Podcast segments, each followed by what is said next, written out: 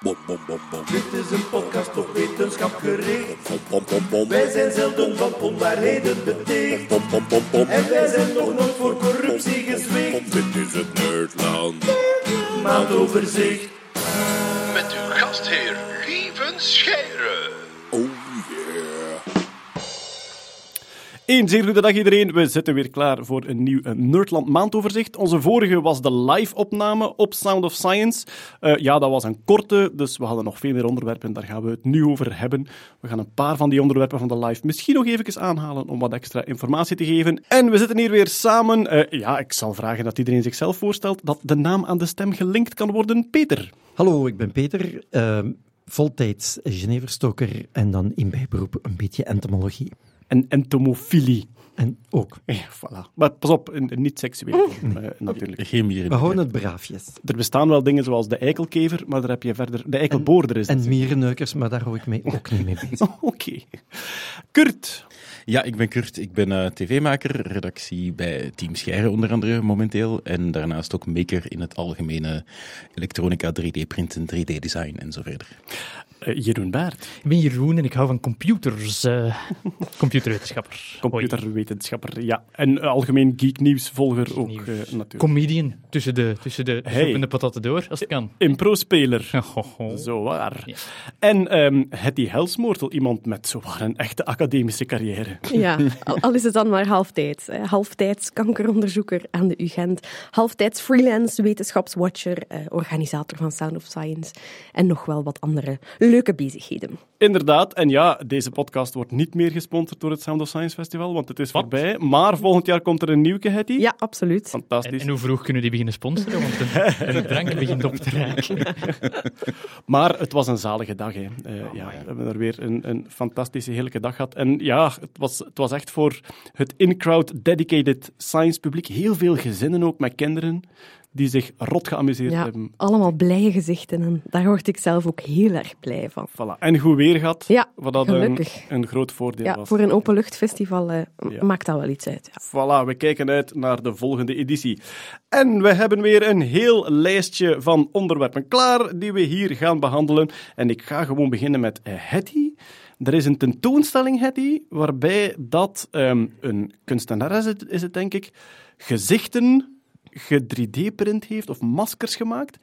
En zij heeft de vorm van die gezichten zuiver berekend op DNA dat ze op straat gevonden heeft op sigarettenpeuken en kauwgom, denk ik. Ja, inderdaad. Dat is uh, de samenvatting van, de, van het item eigenlijk. Ze is daar al heel lang mee bezig. Hè. Uh, Heather The Way Hagborg, uh, niet zo heel belangrijk. Maar dat is een project, Stranger Visions, waarbij zij inderdaad uh, kauwgom opraapt in New York, sigarettenpeuken opraapt en uh, dat DNA laat profileren daarvan en dan op basis daarvan uh, gekeken heeft welke oogkleur hebben die mensen, welk geslacht hebben die mensen, welke haarkleur hebben die mensen. En op basis van die informatie heeft ze dan een aantal gezichten ge-3D-print, uh, levensechte grootte. Dus dat wordt nu tentoongesteld. Ik zeg, het is daar echt al een paar jaar mee bezig.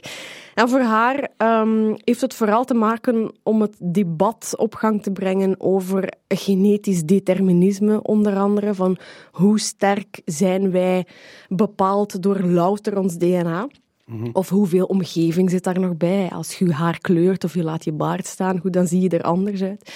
Um, en ook het, het, idee, dat wordt nu al steeds meer en meer toegepast in, uh, in crimizaken, hè, waarbij men bij onopgeloste moorden gaat kijken, ja, we hebben hier DNA gevonden. Wat kunnen we daarover leren, over een vermoedelijke dader? Um, ook daar stelt ze zich de vraag van hoe ver staan we daar nu al mee? Hoe, hoe, hoe ferm mogen we daar nu al op leunen, op die kennis? Um, dus dat zijn zeer interessante zaken die zij daarmee aanhaalt. Ik ben hier de foto's aan het bekijken mm-hmm. en zonder, zonder als een, als een, een mini-Hitler te klinken, over ras kun je vrij zeker zijn op basis van DNA. Oh, niet... Wat bedoel je met ras? Want oh, er is ja, sorry. Een, ja, oh, wel. Oh, oh, knippen maar. Knippen maar. Nee, ik, zie, ik zie dat er een zeer divers scala aan, aan gezichten tegen de muur hangt. Ik zie er bijvoorbeeld een man tussen met een eerder donkere huidskleur. Hoe zeker kun je zijn op basis van DNA dat dat dat het geval is? Dat is de dat vraag natuurlijk, hè, waar dat we nu mee worstelen van oh, allee, hoeveel weten we al over ons DNA, dat echt bepaalt. Maar van een aantal zaken zijn we echt al vrij zeker. Hè. Eh, oogkleur bijvoorbeeld, geslacht ook uiteraard. Ja. Ehm, maar wat ik vind, en dat is ook de kritiek op die hele profiling, die gezichten die zien er allemaal vrij standaard uit. Ja. hè. Die, die zien eruit als je zo een computerspelletje begint te Ja. spelen en je moet een Ja. karakter Ja, maken. voilà. Het startgezicht. Ik Voilà. zat ook, ik zat ook Ja. even weer in, in Ja. GTA San Andreas, Ja. eh, als ik het zag. Maar dus, ehm, eh, oogkleur, huidskleur, haarkleur en geslacht zijn denk ik de vier gemakkelijke. Mhm. Trouwens, sinds januari mag de Nederlandse politie die ook afleiden. Hè. Dus Mhm. België is veel strenger op wat de politie mag doen met DNA dan Nederland. In België mogen ze enkel het geslacht bepalen. In Nederland mogen ze ook oogkleur, haarkleur en huidskleur van de verdachte bepalen. Maar het grote onderzoek nu zit hem in gezichtsvorm. Ik denk eh, breedte van de neus, Mhm. Van de neus, ja, lippen. Ja. En dat is veel moeilijker, denk ik. Ja, ja, dat is een stuk moeilijker. Wordt ook vermoedelijk door veel meer genen tegelijk eh, bepaald. Dat zijn ook hele organen die gevormd worden. Dat is niet zo eenvoudig om dat, om dat puur op basis op dit moment van dat DNA te doen. Ehm, en opnieuw, ik zeg het, de consensus op dit moment is dat dat eigenlijk nog te veel in de kinderschoenen staat om dat echt te gaan gebruiken. Tenzij dat je echt een beperkt aantal verdachten hebt en dat dat dan de doorslag kan geven van ja, oké. Zeker als maar één van die, gedachten men, één van die verdachten man- menselijk is. Ja, bijvoorbeeld. Ja, de fruitvlieg halen ze er vrij snel Ja, uit. de hond ook. Om, om toch nog even het flik van de Gestapo te spelen. Mhm. Etniciteit is dan, maar ik, ik wil gewoon weten waar dat, dat staat. Hoe zeker kun je zijn als je een DNA-profiel opraapt of dat er een Caucasische. eh, Dat is eigenlijk hetzelfde probleem als die hele stamboom die je met 23andMe en MyHeritage eh, Ah, ja. eh, opvraagt. Dat is dat men eigenlijk de, de bronpopulaties die daarvoor gebruikt worden, hoe zuiver zijn die? en dat is... Dat is de Het hele- woord zuiverheid Ja. en ras is gevallen, dames is, en eh, heren. ja, maar dat is, een zeer, dat is echt iets dat daar heel hard mee vermengd is. Ehm verschijnen heel vaak artikels van ras is niet in uw DNA eh, geëncodeerd. Dus het is, het is een zeer boeiende discussie waar We zij weten- ook we mee weten niet wie de dader is, maar hij is 1 3000ste Maori. Maar dat is ook zoiets, ik bedoel, allez, als je kijkt naar de hele stamboom en de onderlinge vermenging, sowieso historisch en nog meer recent, begint dat soort geografische bepaling van bevolkingsgroepen begint een beetje zinloos te worden. Bedoel, het, is al, het is al ontstaan uit een mengelmoes. En natuurlijk, vroeger had je zware geografische scheidingen, die zijn nu ook aan het wegvallen. Dus ja, het is ook altijd een tijdsopname van het moment. Hè. En ik zie, ik zie Peter knikken, omdat dat bij andere diersoorten en bij de volledige, het volledige ecosysteem is dat nog meer. Hè. Dat is een beetje het, ja. het pantarij, alles stroomt en alles gaat in elkaar over. Klopt. Ja. Ja. Ehm, er is een eh, Belgische onderzoeker ook, eh, Peter Klaas, denk Ja, ik. Leuven. Aan de ja. KU Leuven, die ook bezig is met, Klopt. met gezichtsvorm. Ja. En Jeroen, hetgeen dat je zegt, van ze lijken allemaal inderdaad op, op GTA San Andreas karakters. Ja, zo voordat je ze begint te customizen. Hè. Ja, wel. Ja. Maar ik denk, ben niet zeker, we zouden misschien eens moeten gewoon een podcast doen met Peter Klaas. Ehm, ik denk dat ze gewoon starten van een heel standaard generisch gezicht en dan de neus verbreden, versmallen, de kaaklijn aanpassen, denk ik. Dat, dat lijkt mij het logischste. En inderdaad, in, in die gigantische, ja, in die een gigantische kruiswoordpuzzel van, van DNA is het heel moeilijk om dan de juiste triggers te Ja, vinden. Ja. Misschien en wat die ja. kunstenares ook zegt, die komt heel snel terecht in stereotypen. Hè. Ja. En, en dat is eh, Ja. de discussie waard, denk ik. Oké.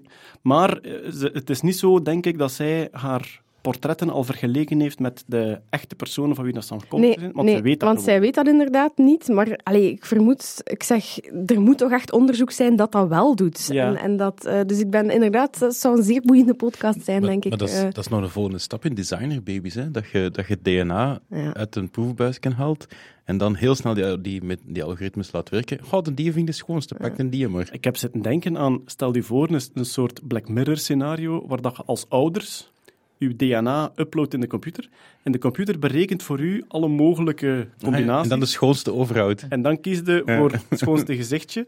En dan, via CRISPR, kun je misschien, als je zegt van, ik wil de ogen nog een klein beetje Dan gaat je retoucheren dan. Ja, voilà. Zo DNA dat niet van de ouders is, maar kom, we gaan het een beetje aanpassen. Met, met in-app purchases. dat je zo van, ah, dat is een lelijke patat, maar we gaan een Miley Cyrus haar ogen geven. Ja. 20 euro per maand. Het, het valt me ook al op, hè, die, die gezichten zijn perfect symmetrisch. Omdat, ja. Ja. dat gaat niet anders Nee, waarschijnlijk. ja, Ja. wat dat Lieven zegt, denk ik, te starten met iets zeer generisch, zeer symmetrisch. Ik denk dat wij bijna allemaal niet symmetrisch zijn. Maar hoe kun je niet Spreek symmetrie uit...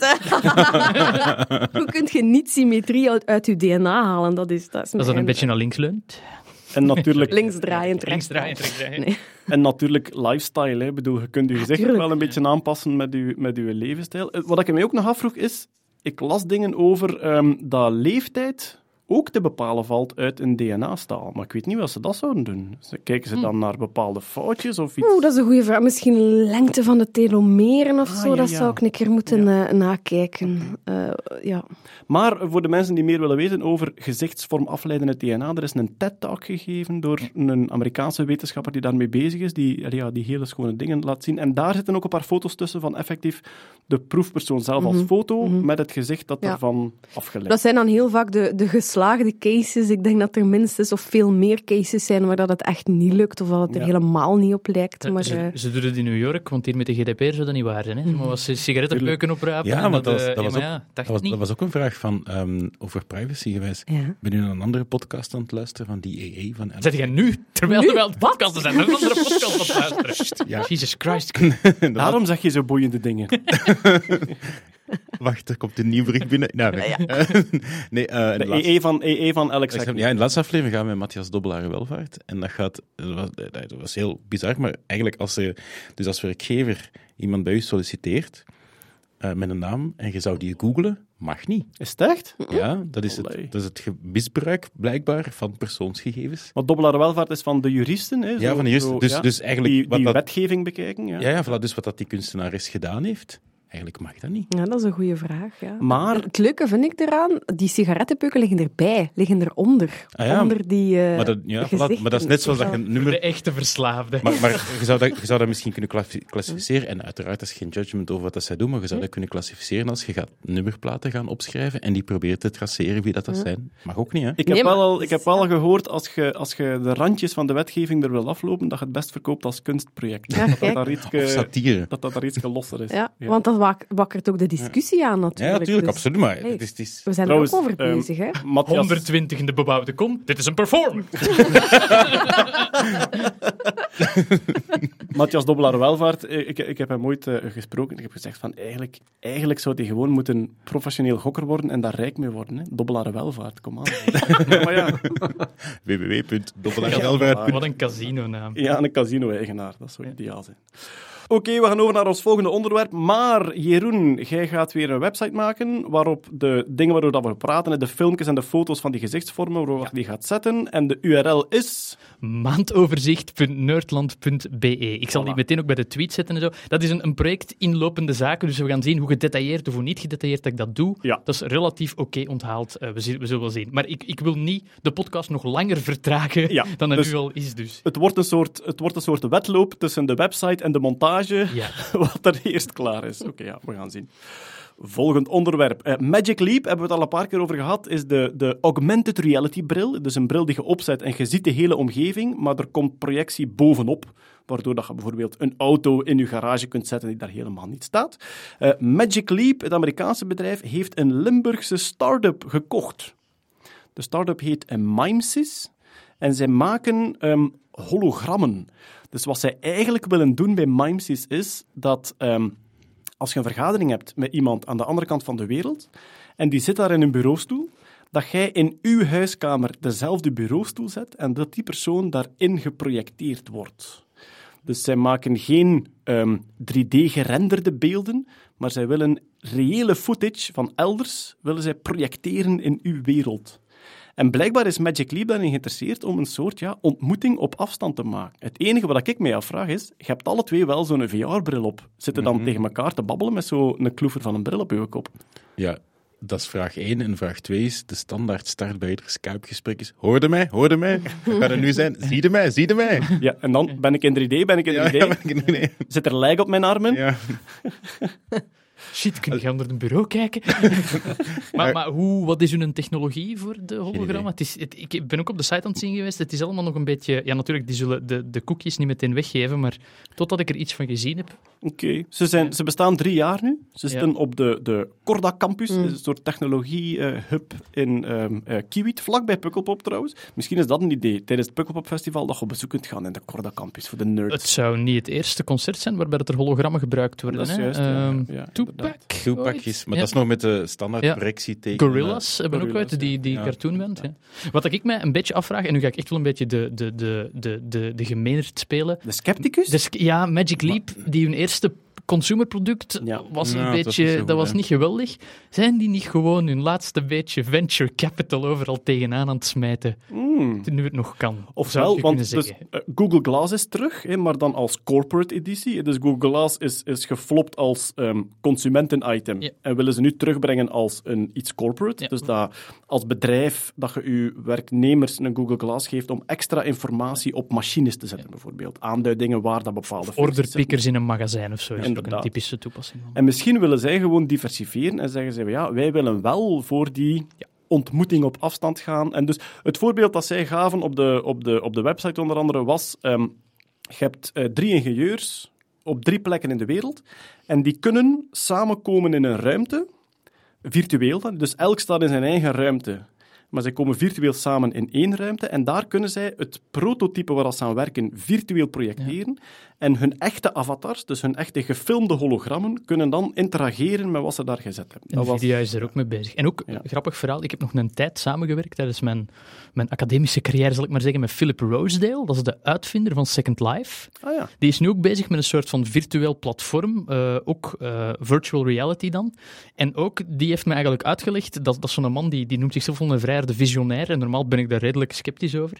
Maar die man heeft mij toch duidelijk gemaakt van... In een meeting, er is zoveel meer dan gewoon dat een videobeeld kan zeggen. De manier waarop mensen zich naar voren en achter leunen op hun stoel, dit of dat. Ja. Gewoon dat. En hij zegt van, ik heb gezien dat die technologie, en vijf jaar geleden konden we met zoveel milliseconden van Londen tot New York dat overbrengen. En dan ben ik daarop gesprongen. En die is nu langzaam maar zeker ook zo'n virtueel wereldje aan het uitbouwen. Het is niet een tweede Second Life, maar het gaat er wel naartoe. En dat, dat is ook, ik denk dat daar inderdaad telepresence, je denkt van, wow, we hebben al videofonie, goed genoeg. Maar er is nog heel veel nuance dat je kunt overbrengen met zo'n full body. Wat, dat je eh, altijd VR. hebt, wat je altijd hebt bij Skype is, je kijkt naar elkaar zijn navel. Hè. Ja, Want je scherm zit onder je camera, dus iedereen zit naar elkaar zijn navel te kijken. Nog erger, ik heb zo'n Dell XPS. Daarvan, die, die modellen zijn bekend om hun camera onder het scherm te steken. Dus iemand anders kijkt in mijn neusgat. Kon de hele tijd. Ja, trouwens, het, het, moet toch, het moet toch redelijk simpel te maken zijn om een soort autocue-systeem. Dus de, de autocue bij tv is, je hebt een camera en de tekst wordt geprojecteerd op een scherm in 45 graden dat voor je cameralens hangt, waardoor dat de presentator in de lens kijkt, maar toch zijn tekst ziet. Maar op dezelfde manier, stel dat je nu een computerscherm vlak op je bureau legt en het beeld spiegelt, en je zet dan een glazen plaat op 45 graden tussen u en je zet een webcam achter, dan kun je toch heel simpel een soort Skype-systeem bouwen waar je wel in elkaar zo kijkt. Ja. Er zijn ook, ik heb ook ooit een paper gezien die eigenlijk dat, dat systeem van die ogen die eigenlijk niet recht in de lens kijken, die dat, dat eh, softwarematig probeert te corrigeren. Dus, dus het, het inputbeeld van de camera pakt en die ogen constant probeert juist te zetten. Als het goed gaat, is het mooi. Als het misloopt, staan de ogen opeens op je kont. in die paper was er zo'n paar edge cases, zoals ze het dan zo mooi noemen. En dat was vanaf dat er een spiegel in beeld kwam, waren uw ogen weg. En zat je te praten met een patat. Hilarisch. Dat was een vrouw die, die zo'n kleine handspiegel, alsof ze haar neus ging poederen. Het was een heel gestunteld, heel gestunteld voorbeeld. Our paper currently fails at highly reflective surfaces. Poef, ogen weg. Heerlijk. Maar eh, ja, dat soort softwareaanpassingen zit ik ook aan te denken. Je hebt allemaal een VR-bril op als je virtueel met elkaar zit. In welke mate, als een AI-systeem een paar foto's heeft van je gezicht, in welke mate dat die, die een, ja, zoals een Snapchat-filter, die een VR-bril niet gewoon kan wegpainten, dat je wel je gezicht ziet in plaats van die... En allemaal kattenoortjes en zo. ja, dat ook. Ik kan nog één anekdote vertellen. Ik heb thuis een Oculus Rift waar jullie allemaal mee eens moeten komen spelen. En ik heb een paar, maanden, een paar weken geleden voor het eerst Oculus Home gebruikt. Dat is, je maakt een virtuele living en je kunt er mensen in uitnodigen die in je living kunnen komen rondlopen en met alles kunnen spelen. Dus ik denk, ik ga naar de top-rated livings en ik ga eens de beste living van de wereld bezoeken.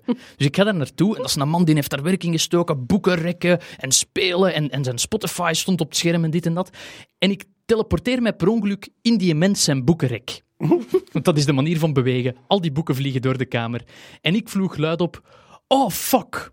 Ik was vergeten dat die Oculus Rift een ingebouwde microfoon heeft, omdat ik dat zelden gebruik.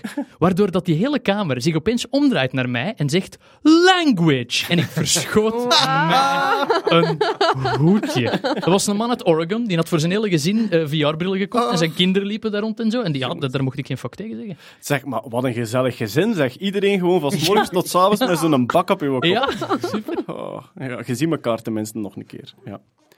Oké, eh, ja, de Magic Leap ehm, eh, met de Limburgse start-up. eh Mimesys heet hij. We gaan, we, gaan, we gaan zien wat er van komt. Maar hetgeen dat gezegd, telepresence, we hebben al Skype-gesprekken enzovoort. Maar als je kijkt in grote internationale bedrijven, voor welke vergaderingen dat er overgevlogen wordt, Tuurlijk. over een oceaan.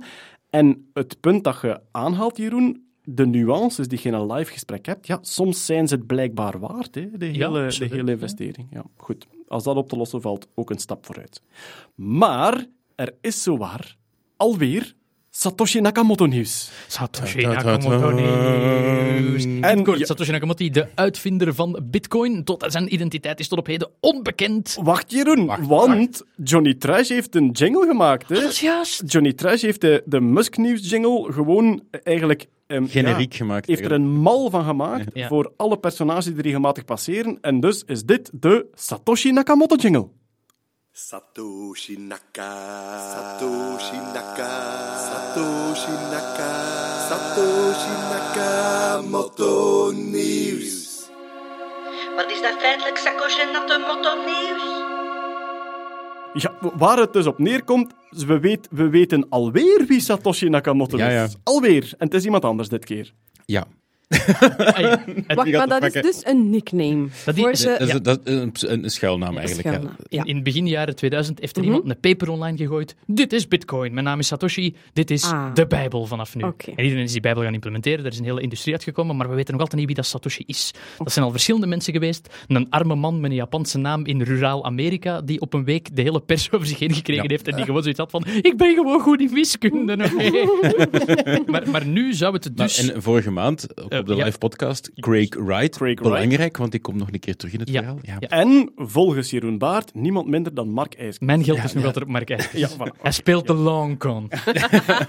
1 miljoen bitcoins hè, zitten op zijn rekening van eh Toshi. Maar wie is Satoshi deze maand?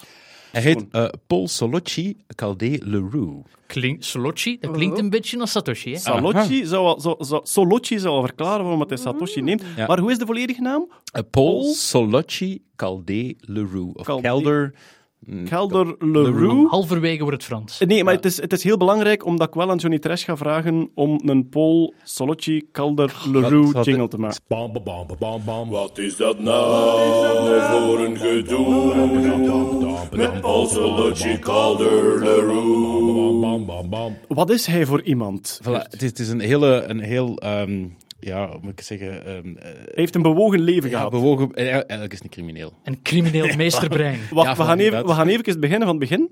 Ehm, hij is eh, geboren in, ik denk, het huidige Zimbabwe. En hij is toen hij is, eh, geadopteerd. Dus hij is weggegeven door zijn moeder. Niemand weet wie zijn biologische moeder is. Waarschijnlijk was het een eh, tienerzwangerschap. Zijn vader staat niet vermeld op het geboortecertificaat. En als voornaam kreeg hij Unknown. Allee. Hij, is, hij is geadopteerd door een ander koppel. En hij heeft dat pas ontdekt als hij 30 was. Dus op zijn 30, op zijn 30 heeft hij zijn geboortecertificaat onder de ogen gekregen waarop staat unknown, weggegeven voor adoptie. Wat misschien de verdere psychologische wandel van Ja, de voilà. heer eh Solochi- Kort op neer, hij heeft een gigantisch drugsverleden, zowel als kartelbaas, als smokkelaar, als eh, wapenhandelaar, als informant bij de DEA, de Amerikaanse drugsdienst. Denk John McAfee, maar slim. Ja, Eigenlijk want, is het want, letterlijk dat. van- Ja. want zijn, zijn laatste ding wat daar hij mee eigenlijk gedefinieerd wordt is a genius programmer. Oh. Dus hij heeft, hij heeft een moeilijke jeugd gehad. Hij is opgegroeid naast een asbestmijn. Ook tof. Ehm, En eh, dan, eh, op een bepaald moment in de middelbare school, hij is dan naar Zuid-Afrika verhuisd, op de middelbare school begon hij hem te vervelen. Zei hij, ik ga een programmeercursus volgen. En hij heeft het eerste jaar van de cursus in zes weken afgerond. Dus de goede man kan programmeren. De filmmontage is dat zo met van die 80s muziek. Ja, maar het is eigenlijk een crimineel genie. Ja. Ja. Ik kan het daarop zeggen. Ehm, en hij is aan het licht gekomen, en dat is dan de link met Craig Wright, hè, de vorige Satoshi Nakamoto. Ehm, door het feit dat eigenlijk Craig Wright werd. Wacht, we moeten even terugspoelen. Wat, wat is de inzet? De inzet is eigenlijk 1 miljoen bitcoin, die geëncrypteerd ergens staat op harde schijven. Die Satoshi voor zichzelf gereserveerd heeft, Voilà, helemaal in het begin. Hè? Ja. 1 miljoen bitcoin, op dit moment meer dan een miljard. Eh, Ja, dat is, dat is veel waard. 2 miljard. El- Wat- el- en 11 die, miljard. Die 11 komt miljard vrij, wanneer? Die komt niet vrij en die is heel. Dus sowieso, Bitcoin op zijn eigen is een soort is geëncrypteerd. Maar als je de sleutels hebt, dan heb je eigenlijk de wallet. Als je Ja. in de wallet zit, en dan kun je die eigenlijk claimen en dan kun je die doorverkopen. Nu, die sleutels zelf zijn zwaar geëncrypteerd met TrueCrypt, wat een encryptie-algoritme algoritme protocol is. Ehm, eh, zo hard zelfs dat Craig Wright heeft dat geprobeerd om dan brute force en andere manieren om die proberen te decrypteren, zodat hij de sleutels had om dan die bitcoins te kunnen claimen. Dat is niet gelukt. En heeft hem gezegd van, ja, maar ik ben Satoshi Nakamoto, dus geef die aan mij. En dan zijn er van allerlei dingen aan, alle ballen aan het rollen gegaan. Onder andere eh, de Kleiman family heeft hem dan eigenlijk ehm, gedagvaard. En in dat proces is er een document opgedoken waarin dat Craig Wright eigenlijk ehm, bescherming vroeg, omdat hij aantoonde van kijk, maar wacht, de criminelen zitten achter mij. En in dat document hebben ze heel veel uitgetypext en ene link vergeten, namelijk de link naar Paul Rue, die dan nu ehm, Satoshi Nakamoto Er is een schat van Satoshi. Iedereen zit erachter. Ja. Maar En- dus als je de echte bent, dan kun je daaraan. Als je die een sleutel hebt, dan kun je, denk ik, en Jeroen kent dat beter, dan kun je, dus je hebt de sleutel op een USB-stick Ja. bijvoorbeeld, en dan kun je uw wallet openen Ja. en je Dan kun- bitcoin ja, Dan doorverkopen. kun je claimen, deze zijn van mij. Kun je dat bewijzen. Maar- dan kun je eigenlijk de wal- wallet openen. Maar Stel dat kameraad nu 1 miljoen bitcoin op de markt gooit, dan daalt die waarde plots Ja. gigantisch. Ja. Ja, dat is een wet van vraag en aanbod, sowieso, is economisch wet. Maar nog extra aanwijzingen die dat zeggen dat een deze wel een keer een echte zou kunnen zijn. Eén, hij claimt het niet zelf. Het is via dat document en via die link dat speurders eigenlijk op het licht zijn gekomen. Ehm, de, de, de sleutels zelf zijn op de harde schijven geëncrypteerd met TrueCrypt. En wie heeft TrueCrypt geschreven? Die man! Die man zelf! Zelf. Heeft dat Dus hij heeft al bewezen dat hij geniaal is in dat Voilà. soort encryptie. En dat hij met zijn eigen eat your own dog food, dat is een term Ja. die daar in heel veel dingen gebruikt wordt, dat hij zijn eigen algoritmes gebruikt om dat te gaan Ja. claimen. Plus, hij zit sinds 2012 in de bak. In Amerika. En sinds wanneer is die in 1 miljoen bitcoins niet meer aan het bewegen geweest? Yo. Oh la la. Sinds rond die tijd. Bitcoin is een groot boek waarin we allemaal kunnen kijken. Ja. je Ja. kunt zien naar waar die bewegen. Je weet Ja. niet wie dat er, van wie dat elke portefeuille is, maar je kunt ze wel zien bewegen. Dus iedereen met kennis van zaken kan die bitcoins van Satoshi zien staan en Ja. zien of Dat zijn nummertjes, dat zijn nummertjes in een hele grote Ja. boek. En je Ja. ziet Oké, wanneer maar die nummertjes zijn geëncrypteerd, maar je kunt wel zien Nee, dat nee, zijn nee, Satoshi zijn nummers. Ja, voilà, je- Ja. de- er is een stuk van die nummers wat dat publiekelijk is, namelijk gewoon de, de, de seriële nummertjes van dingen. Ja. En om die te kunnen claimen, heb je een sleutel nodig en die zit geëncrypteerd vast. Oké. En daar gaat niemand aan. De schatkist, ja. En Solotje zit in de bak omdat hij ehm, zes huurmoorden besteld heeft. Inderdaad, ja. Vooral in de vastgoedcriminaliteit. We're dealing in with this guy. de Filipijnen en overal. Dus Ja. die mens, zijn levensverhaal is gewoon nu al een overdreven Hollywoodfilm. Dat, dat kan bijna niet anders of dat wordt een tv-reeks. Enfin, Ja. als hij Satoshi is, zeker. En anders is de kans nog groter. Narcos, maar dan crypto's. Ja, cool. Crypto. Crypto's. Ja, en dat zijn allemaal dingen die... Er zijn er nog links, hè, maar dat gaan ons misschien te verleiden. Maar dat is, er zijn een aantal echt parallel die dat zeggen van... Ja, ten deze zou het wel een keer eens echt Ach, kunnen Kurt, zijn. volgende maand is terug een andere. Ja, laat ons even Ja. geloven van die, ja. Maar dat vind, ik- dat, vind, dat vind ik nu wel heel boeiend, omdat ehm, het verhaal, gelijk dat je het nu leest, wijzen alle pijlen in zijn richting, maar er is ook nog een soort wet. Het is zodanig recent dat je wel nog sceptisch moet hebben, want recente verhalen zijn altijd riskant. Ja, wacht. Nog een belangrijke misschien is dat ze zo analyse gedaan hebben op schrijfstijl. En dat die ook blijkt te matchen met is hem. ook niet vaak van natte vingerwerk die schrijft. Ja, oké, misschien wel, maar het het is, is Deze man extra gebruikt lidwoorden. Oh nee! Ik ook lidwoorden. Dat is juist, want ze hebben, ze hebben berichten op, op forums Ja. waarvan dat ze weten dat die van de Satoshi zijn. Satoshi is niet met die, met die tabletten uit de hemel neergedaald. Hij heeft achteraf ook nog een beetje gemaild en op die gebruikersgroep bezig geweest, maar dan is hij verdwenen inderdaad rond 2012. Ah, Ja, voilà, en, ja, voilà, dus Ja. De, de stemmen gaan al... Als het echt waar is, dan ehm, heeft heeft Quentin Tarantino een nieuw scenario voor Ik de volgende ja, film. is Ik ga even opzoeken wanneer dan Mark Eskes uit Wanneer dat zijn internet zijn, afgesloten is. politiek, zijn politieke carrière is gestopt in 2003. Maar hij is dus goed op tijd gestopt om zich met die bitcoins bezig te houden. Je kunt dat niet combineren met een job als parlementair. hè.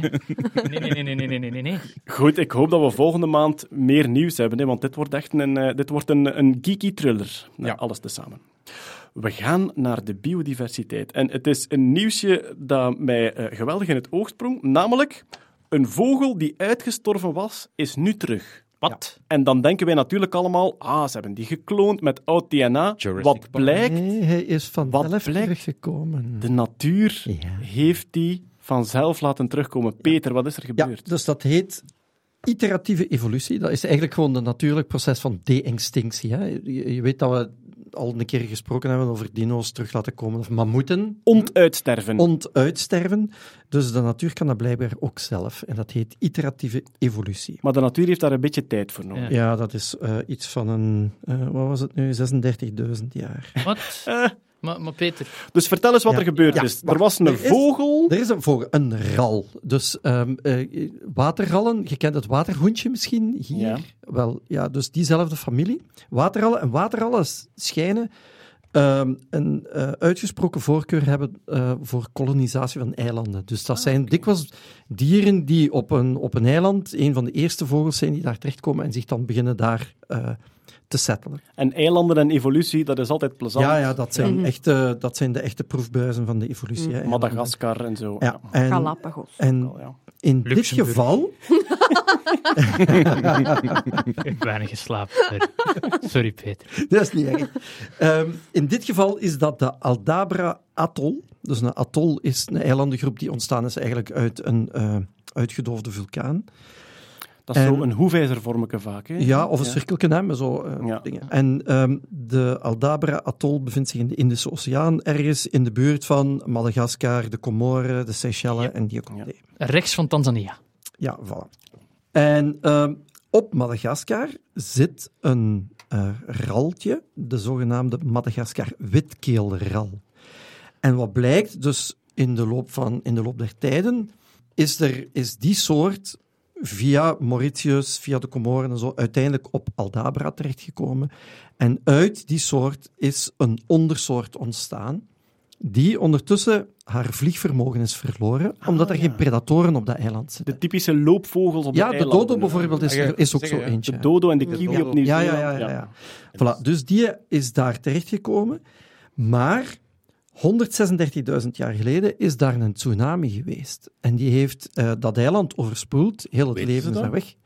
Ja, ze hebben dat teruggevonden. Ze hebben Geologisch onderzoek. geologisch onderzoek, inderdaad. Als zo'n aardlaag, als je, als je ja, een tsunami hebt, je aardlaag op dat punt is even totaal anders. Hè. Dat is... Ja, en dan In, in zwembad van Vilvoorde En- doen ze ook altijd zo'n hoorn.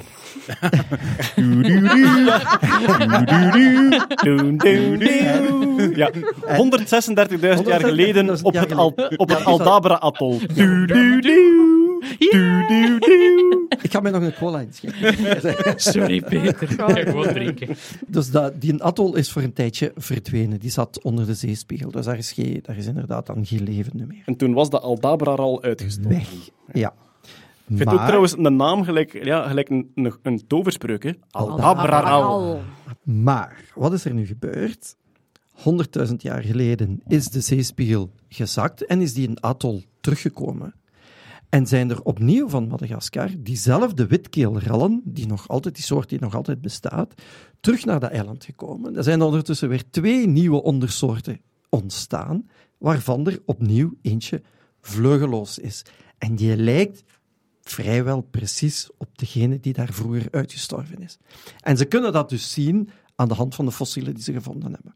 Dat is toch waanzin dat je evolutionair twee keer op dezelfde soort uitkomt via En ze hetzelfde zijn systeem. zeker dat al die oude rallen dood waren. Ja, hebben ze die allemaal geen, geteld? geen trucken, hè. Ah, dat is een goed punt. Voor mij is een, is, een reek, is, een, is een soort uitgestorven als de laatste mammy en papiral dood Ja, zijn. wacht, wacht, wacht. Maar het is niet helemaal, eh, als je het zo zegt, is het natuurlijk niet helemaal juist, want het is een ondersoort. De echte soort is de witkeelral, die nu nog altijd In op Madagaskar, Madagaskar ja. leeft. Dus die kunnen onderling paren nog ja, ja, en ja, nakomelingen Het is een krijgen. ondersoort, hè. Is Ja, dat, ja. is dat een ondersoort? Is dat gelijk bijvoorbeeld ehm, ezel en, en, en paard? Nee, dat is, Nee. nee. dat is, nee, nee, ezel en paard zijn twee verschillende soorten. Nee, dat zijn twee verschillende soorten, Maar Omdat, samen- omdat de nakomelingen onvruchtbaar zijn. Je zijt pas dezelfde soort als uw nakomelingen Ja. ook vruchtbaar Ah, zijn. Je hebt Zoals eigenlijk- alle, alle honden Je hebt eigenlijk Ah, ja. drie, drie definities, denk ik, in de biologie die een soort definiëren. Eentje daarvan is, de, de twee verschillende soorten kunnen niet met elkaar paren, tenzij, dat, als ze dat wel kunnen, dat de nakomelingen dan ook onvruchtbaar zijn.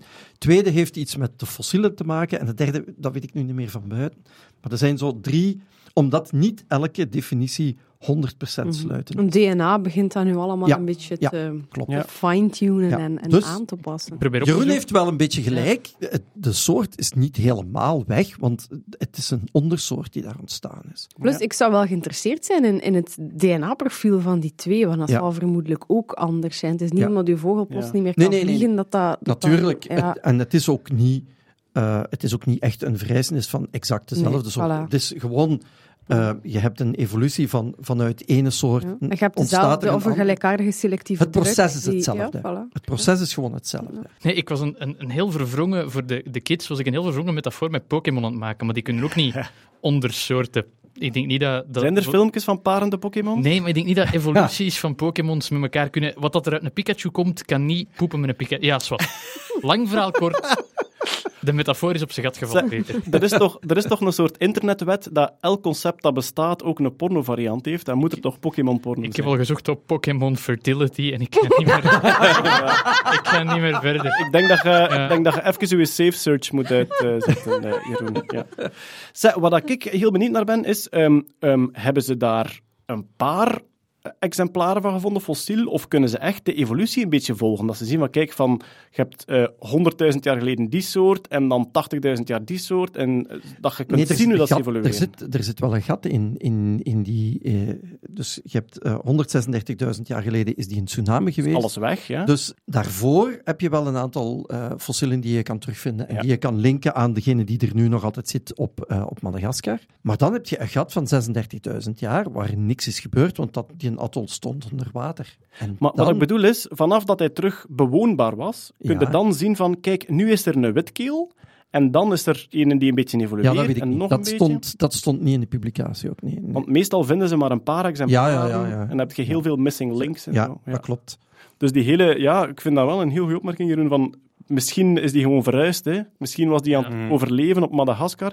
Maar ik wil het Misschien, niet... nee, die, maar- misschien maar- waren die op cruise. Ja, maar het probleem is, eh, hij, hij kon niet verhuizen, hij was vleugeloos, dus die kon niet ontsnappen. Met, met de Ja. boot? die kon niet ontsnappen, ja. Met ja. de boot?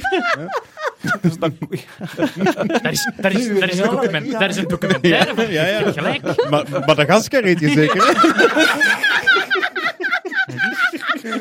Plaats genoeg. Plaats genoeg. En de Hetty Lach soundboard is weer aan. Volgens de moderator van PokémonCenter.org komen alle Pokémon uit dezelfde reeks, uit hetzelfde ei en kunnen dus met elkaar poepen. Dus Oké, voilà, ah, dat voilà. kan allemaal. Ja, Allee. ja, ça va. Ja, Oké, maar er is toch een soort constante Hetty als het over vogels gaat, dan, dan begint het... Oké, maar kijk, ik vond, ja, ik vond dat zoiets onwaarschijnlijk dat de evolutie twee keer hetzelfde lijntje Ja. volgt op dezelfde plaats. Ja. Dat, eh, Het is wel een heel artificieel punt natuurlijk, dat je een, een hele habitat even onder de zeespiegel kunt duwen. Ja, voor- maar voor daarom, maar dan- daarom zijn mooi. eilanden juist zo interessant, omdat die dingen daarmee kunnen gebeuren. Het- Er, gaat nooit een heel continent zomaar eh, op, op zo korte tijd gewoon onder water staan. Misschien was, Maar dit een, wel, misschien hè. was dit een soort heel intelligent labo-experiment van een alien. Die zei Mhm. van, wacht eens, we hebben een testgroep, we gaan dat gewoon nog eens proberen. Oké. Eh, volgende item. Ehm, Uber gaat zijn vliegende taxis testen in Melbourne. We hebben dat, we hebben dat denk ik een tijdje terug al gemeld, dat ehm, Uber wil eigenlijk zelfvliegende elektrische drones met plaats voor twee passagiers. En ze wilden die testen in Dubai. En nu hebben ze gemeld deze maand dat het in Dubai allemaal te traag gaat. En hun nieuwe testsite wordt nu Melbourne. En nu beweren ze dat ze volgend jaar daarmee gaan starten. Maar er zit wel een patroon in van heel snelle beloftes die dan niet uitkomen en dan maar verplaatsen naar een andere plek. En, enfin, ja, dus eh, ik weet het niet. Het, het, het, het filmpje is ook eerder een helikopter.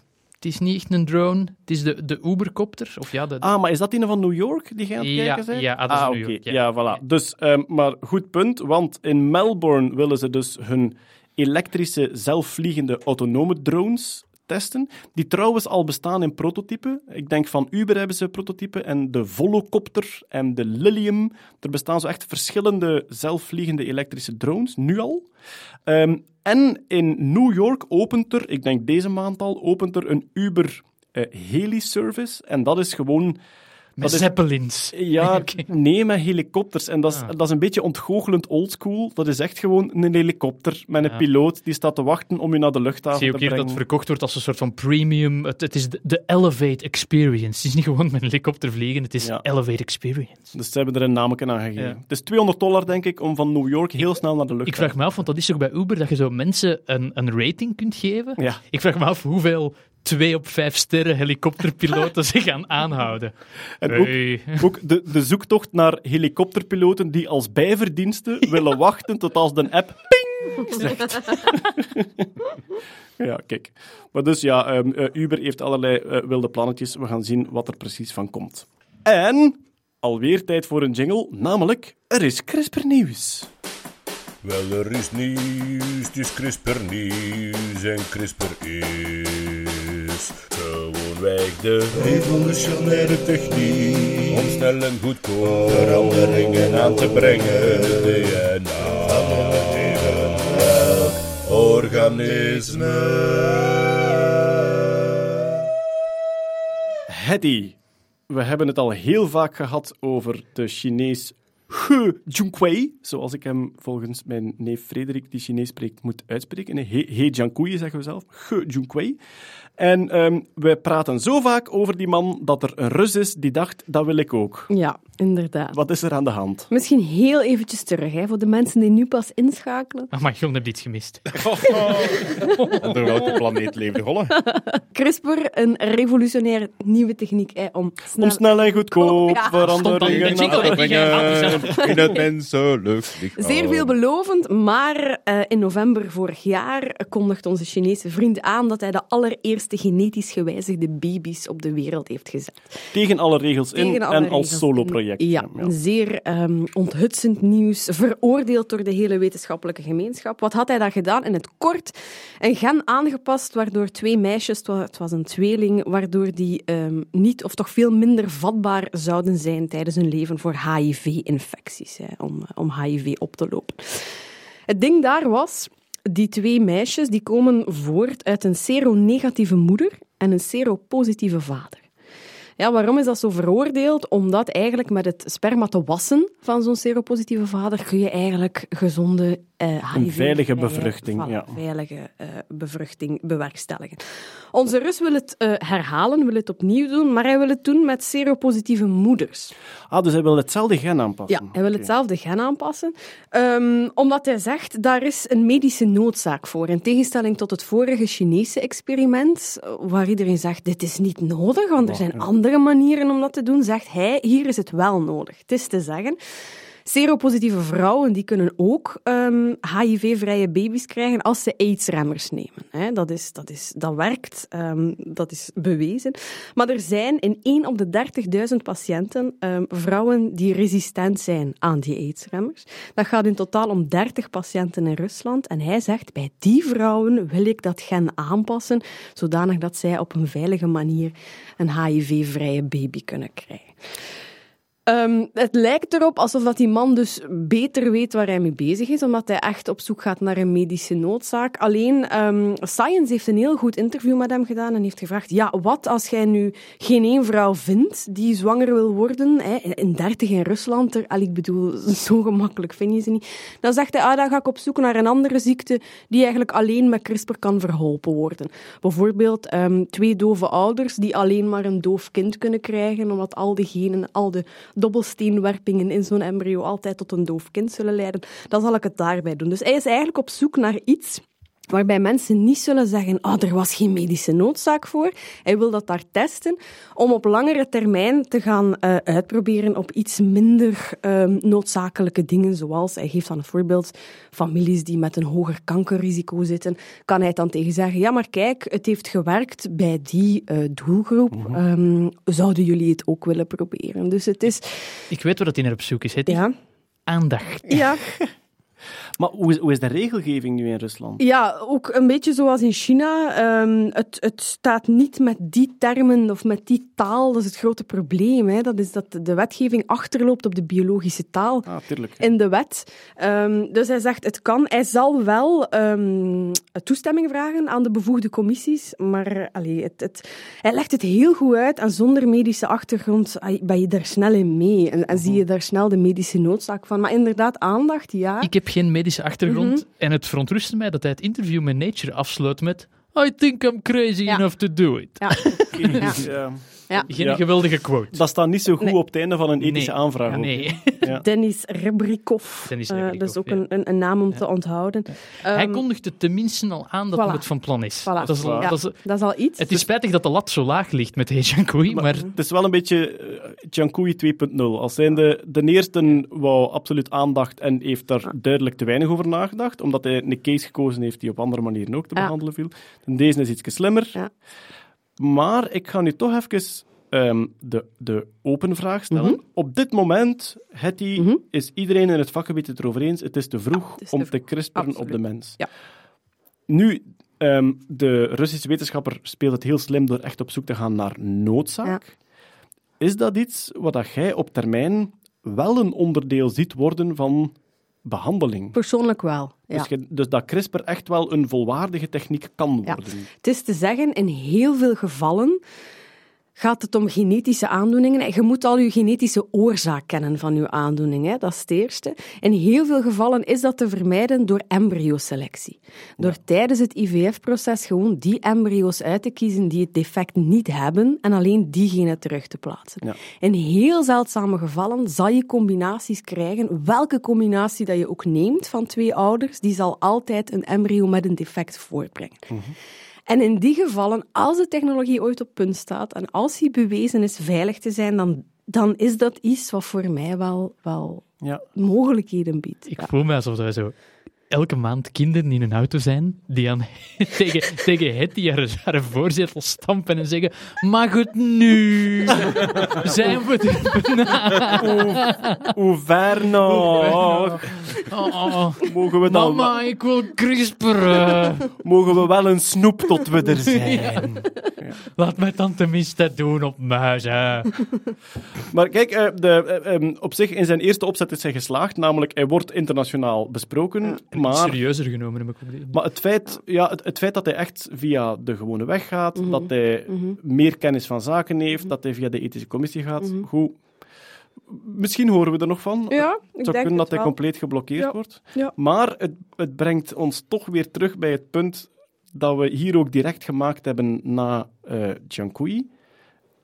In het verborgene, Mhm. de mensen die geen aanvragen plegen, die techniek is voor velen van hen ook beschikbaar. Hè? Ja. Dus de open vraag van het feit dat er nu iemand openlijk interesse toont, doet mij toch vermoeden dat er zeer veel verborgen interesse is die geen officiële vraag Mhm. Ja, hij zegt het ook in het Rusland van vandaag, is dat iets dat absoluut kan en, Ja. en gesteund zal worden. En ik denk niet dat hij daar ongelijk in heeft.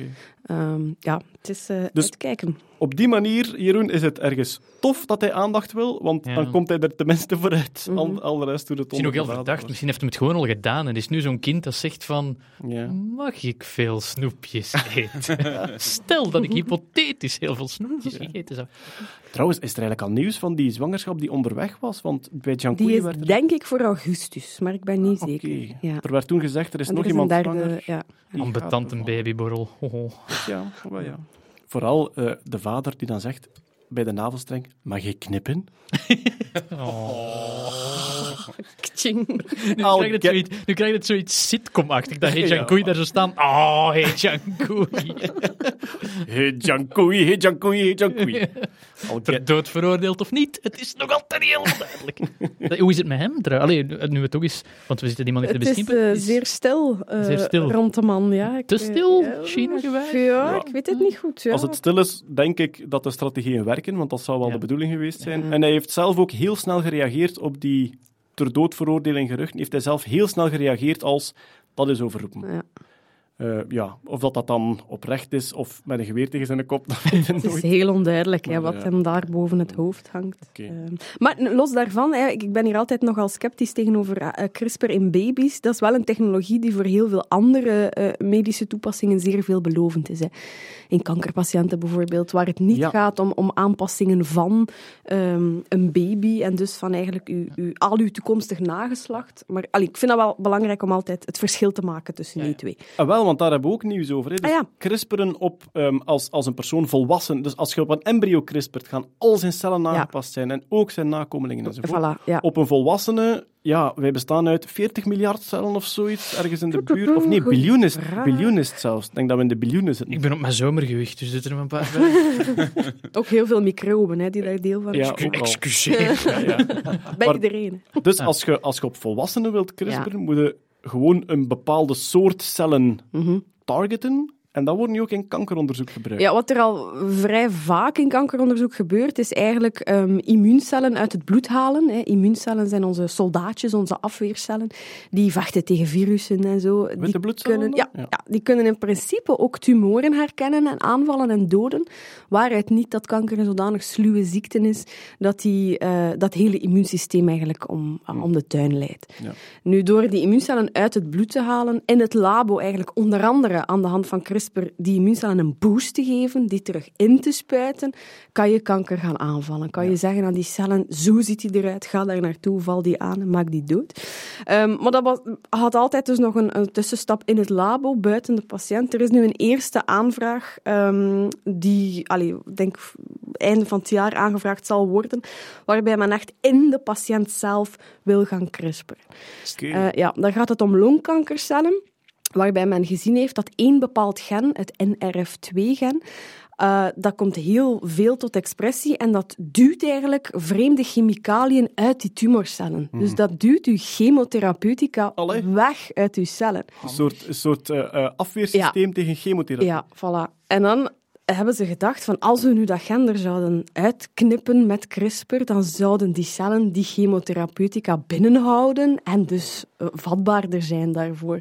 Even een mogelijk een stomme vraag, Ja. maar de, het, het systeem om die chemo weg te duwen uit kankercellen, is dat iets wat dat, eh, ehm, door selectie ontstaat, gelijk antibioticaresistentie bij bacteriën? Want ant- bacteriën ontwikkelen ook zo pompjes om antibiotica weg Mhm. Ja. te pompen. Ja. Maar bij een bacteriekolonie kun je gemakkelijk zien hoe dat evolutionair Ja, ontstaat. ja. Maar kankers En wel, wat we hier zien is eigenlijk dat, dat, dat de expressie van dat gen, of de aanwezigheid van dat gen, dat dat eh, stapsgewijs verhoogt naarmate dat je longkanker type 1, type 2, type 3, type 4 hebt. Dus hoe agressiever je kanker, hoe hoger de expressie van dat gen. Dus dat Oké. is wellicht wel een soort, ik zou het moeten nakijken, een soort selectieve procedure daarin.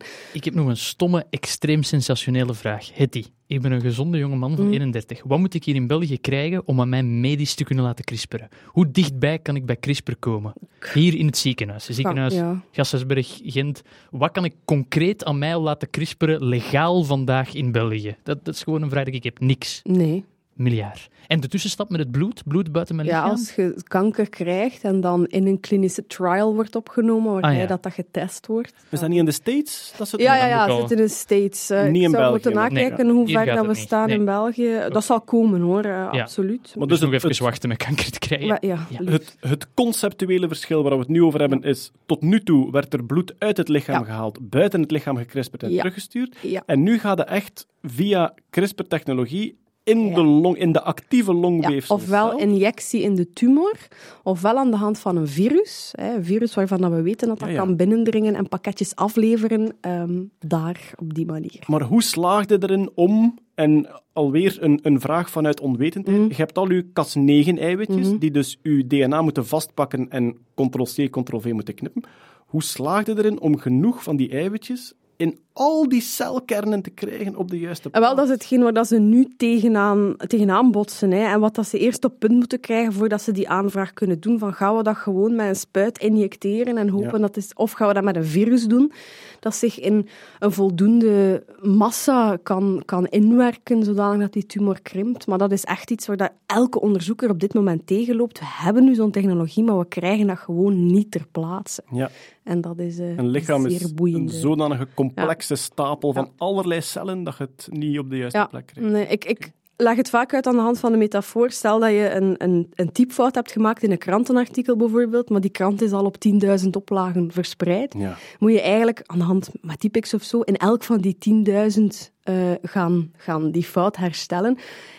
En dan zeggen mensen, ja, zou het dan niet beter zijn als we dat in, onze masterkopie aanpassen? En De masterkopie van onszelf, dat zijn onze embryo's. Ja. Zou het dan niet beter zijn om in onze embryo's al die genen aan te passen? Maar goed, dan zitten we weer in het vorige verhaal. CRISPRen op stamcellen is dan eigenlijk de aanpassing doen op de drukplaat, waar de alle Ja. kranten mee geperst worden. Ja.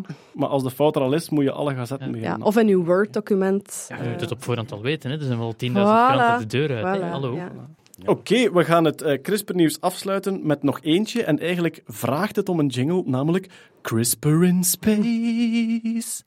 Er is gecrisperd in de ruimte. Ja, vond ik wel cool eigenlijk. Wel, dus er is gecrisperd in de ruimte, in, eh, in, in zero gravity. En mijn eerste reflex was, en ik, ik weet totaal niet wat juist is, mijn eerste reflex was, was, is dat nu een stunt? Of heeft dat echt waarde? Nee, het heeft echt wetenschappelijke waarde. Dus in het ISS, Internationaal Ruimtestation, hebben ze biergist, ehm, dus een, een, een gistsoort, hebben ze gecrisperd. Waarom hebben ze dat gedaan? We weten, met CRISPR kunnen we eigenlijk heel doelbewust schade aanbrengen aan DNA. Ehm, en waarom hebben ze dat gedaan? Om te kijken hoe goed die schade zich herstelt daar, eh, los van de zwaar. Sorry, het is gewoon iemand is dat is ruimtestation binnengelopen. Ik ga ons bier kapot maken. Wat? Nee, nee, de gist ervan. Ah, sorry, ja. Ja, Eh, omdat we allemaal weten, als we eh, over verre ruimtereizen praten, dat stralingsschade, dat dat toch een van de belangrijkste uitdagingen wordt, van hoe gaan we daarmee om? En, en als we daar dan zijn op Mars, hypothetisch, van hoe goed herstelt ons DNA daarvan? Dus dat is een deel van het onderzoek om te kijken hoe goed herstelt DNA, na bewuste DNA-schade dan in dit geval in de ruimte. En weten ze al hoe goed het herstelt? Nee, de publicatie is onderweg. Ja, dat, daar hebben ze natuurlijk niet aan gedacht. Dat Maar ik vind het wel kei boeiend dat je dan als astronaut eigenlijk plots kunt en moogt crisperen. Ik Ja, vind het echt, maf welk leven dat die, allee, Hadden ze- dat die ook wetenschappelijke ex- experimenten uitvoeren. Hadden ze maar een embryo meegepakt. Hè? Internationale wateren. Hè? Maar ja, astronaut, ik vind dat zo intrigerend. Dat is toch super, De- hè? je moet mentaal zo sterk Ja. zijn, je moet fysisch op je top staan en dan moet je nog een keer super performant zijn op alle Top verschillende... wetenschap Ja, ook, ja, hè? Wat, allee, Ik zo- zou wel bij alles dat ik doe in de ruimte denken... Ben ik de eerste die dit gedaan heeft in de ruimte? Er is nog zoveel laaghangend fruit. Natuurlijk. Want ik heb een boppit mee. Ben ik de eerste die een boppit gespeeld heeft in de ruimte? Boppit. Bo- Voilà. Super. Dus eh, vanaf, vanaf dat Richard Branson zijn eerste ruimtereizen beschikbaar wordt, gaan we een kickstarter voor Jeroen doen om Bobbit in de ruimte te gaan spelen. Eender wat, eender wat, je kunt de eerste zijn. Zo, het, het, het, Guinness Space Book of Records, dat is, dat is lege bladzijden. Hè? Ja, klopt. Ja. De low-hanging fruit De of eerste die records. binnengekomen is en... Allee, allee, allee, gezegd heeft. Ik ben de eerste. De eerste die in TSS gezegd heeft, dat is nog hè. We gaan, we gaan een website moeten oprichten. Space Records. Ja. Op de maan was dat ook. Hè. De eerste die ge- ze hebben gegolfd op de maan, onder andere. Ja. Eh, eerst hebben ze gegolfd met een zelfgebouwde golfstick. En de volgende dag, ik pak een echte golfstick mee. en dan hebben ze ook het experiment van de hamer en de veer. Wat er eerst, op, wat er eerst beneden, of hoe snel het naar beneden valt, een hamer of een pluim in het luchtledige, hebben ze gewoon gedaan op de maan omdat er voor de rest eigenlijk toch niet veel te beleven viel. doen dat Super interessant, sport op de maan, want uw slow-mo is er gewoon al. even. Ja, ook al, ja, inderdaad. Ja. Eh, goed, ah ja, dat is trouwens een idee dat we ooit gehad hebben. Ehm behendigheidsspelletjes in TSS. Zo pingpongen, maar, maar pingpongen kun je niet, want je hebt je zwaartekracht nodig. Maar zo nieuwe spelletjes uitvinden voor in Zero G, dat moet toch de max zijn? Zou een jokari werken? Zo'n jokari met een elastiek. Ja, Als je een elastiek hebt, hij komt terug. Maar, niet, maar zonder uw parabool van uw zwaartekracht natuurlijk. Ja. Dus uw jokkerie komt terug in een rechte lijn. Space Jockery. Space Jokery. We hebben een missie, jongens. De volgende Belgische astronaut die naar de ruimte gaat, die gaan we Space Jockery eh, proberen aan, aan te praten. We zullen beginnen met een soort... ehm, ja, maar dat moet toch goed te doen zijn om daar een soort computergame simulatie dat is al te gebeurd, hè. als je zo Angry Birds... Zo de, de promo voor Angry Ah, is Birds in. Space is effectief in Space gedaan met een elastiek. Oh, en effectief, ze hebben zo ja. een vogeltje afgeschoten. Of was de camera zelfs dat afgeschoten? In TSS hebben ze, hebben ze een... hebben ze iets afgeschoten Ja. en dan was echt zo, ja... De ene minuut zit je hoogstaand CRISPR-onderzoek te doen, de andere minuut zit de promo aan te maken voor een vogelknaller. Trouwens, wat dat betreft, de NASA heeft aangekondigd dat zij ehm, het ISS volledig willen doorschuiven naar commerciële uitbating. Oh. Dus het, het ISS... Schoon- Ja, dat, dat wordt een Airbnb. Net, net iets te trots erop, hè, Kurt. Godverdomme. Hey, hey. Het is de eerste Ooit. vacuum B&B. Oh. Ehm, maar dus, eh, het ISS is afgeschreven, hè, dus, dus gaat, ik ken het precieze jaartal niet meer, maar het is ergens in de jaren 20 eh, stoppen ze met ISS. De plannen zijn nu om het volgende ruimtestation rond de maan te laten draaien, om dat compleet opnieuw te bouwen.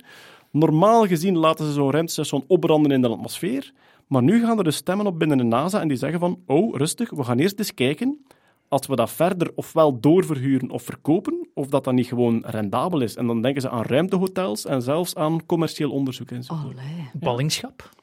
Oeh. Ja, ik weet niet. Als we met z'n allen kunnen samenleggen om iemand daar naartoe te sturen. Ik, ik zie een succesvolle Kickstarter.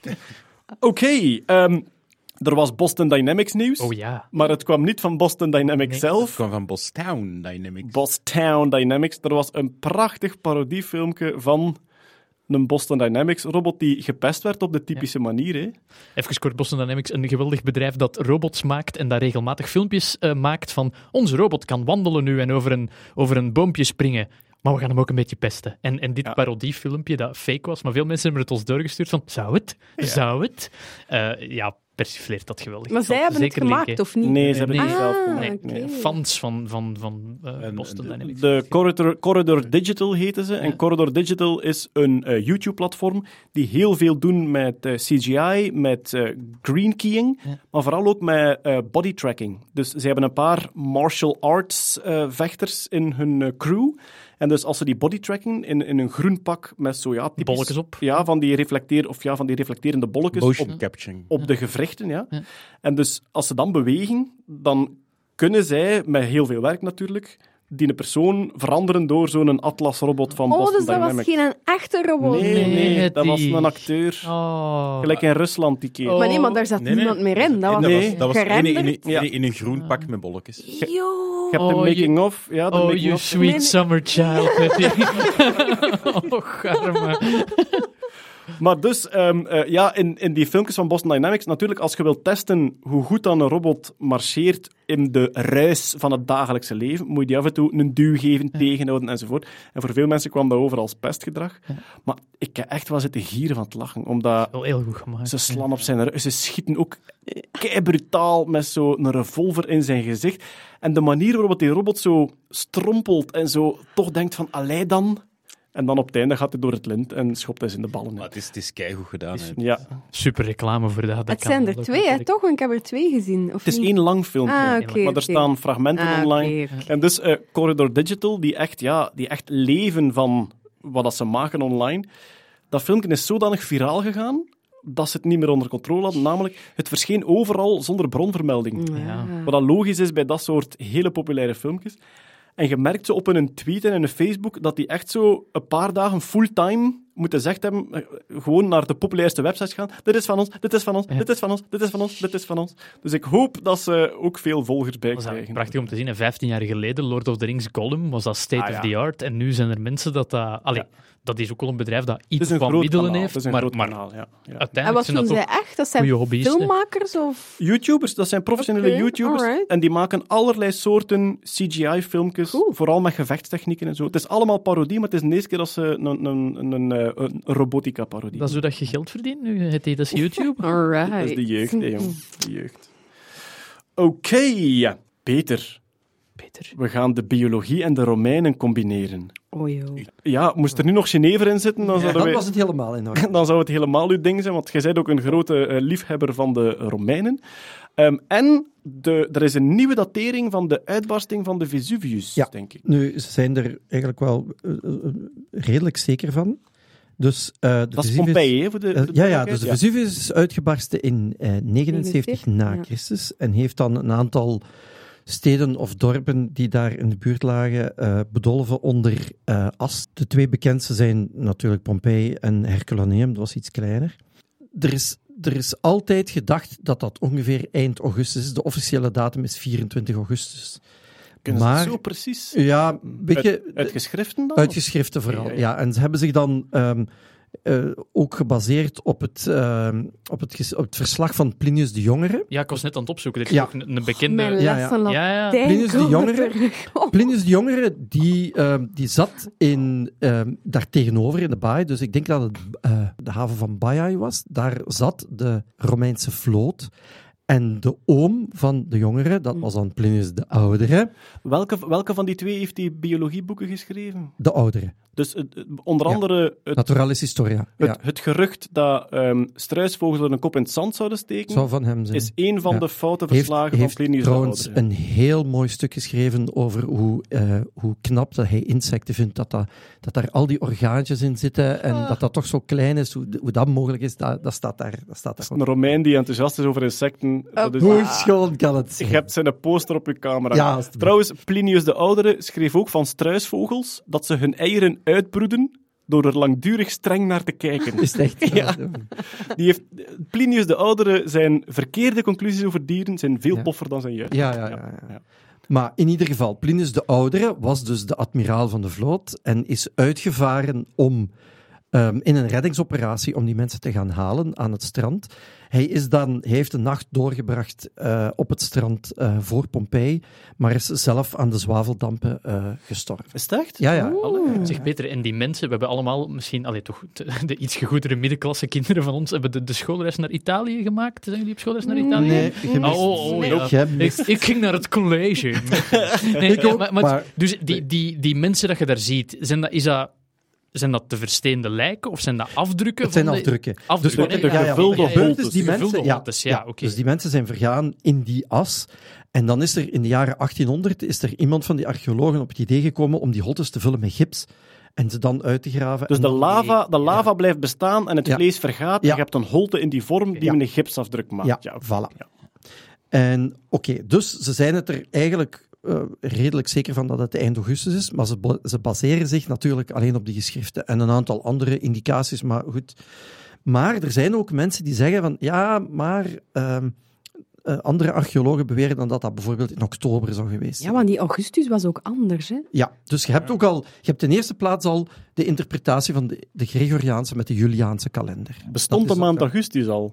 Hadden ze die keizer Ja, al want gehad? die is, ja, natuurlijk. Ja, sorry hoor, Peter. Ik, ben misschien in het want college in- geweest, maar ik heb slecht opgelet. In 79 is het keizer Titus en eh, dan heb je er al een heel deel gehad. Hè? Dus, En maar augustus, nee, Caesar is voor augustus, hè? Keizer is gestorven. Keizer is gestorven Oh, in, Caesar Keizer, 44, in 44 voor Christus en is opgevolgd door zijn geadopteerd neef, nee, achterneef, Caius Octavianus, Want die dan het is- achteraf, achteraf de eretitel de Verhevene gekregen heeft, wat Augustus eigenlijk betekent. En het is dankzij, het is Ja. dankzij, laat ons zeggen, het piemelspel van Augustus en Caesar, dat wij een langere zomervakantie hebben. Want de maand juli van Caesar had 31 dagen. En Augustus zei, ik wil ook een maand van 31 dagen. Dat zou best kunnen. En daardoor is Augustus ook 31, daardoor heb je twee maanden van Ja. 31 dagen achter elkaar. Is dat echt? Ja, ja, ja, Ja, ja, ja. Omdat keizer ja. Augustus zei, ik wil ook 31 dagen. Was dat dan hetzelfde met keizer december en keizer januari? Nee, wat keizer februari, dat was, dat was een loser. Dat was duidelijk, ja. Klein pietje.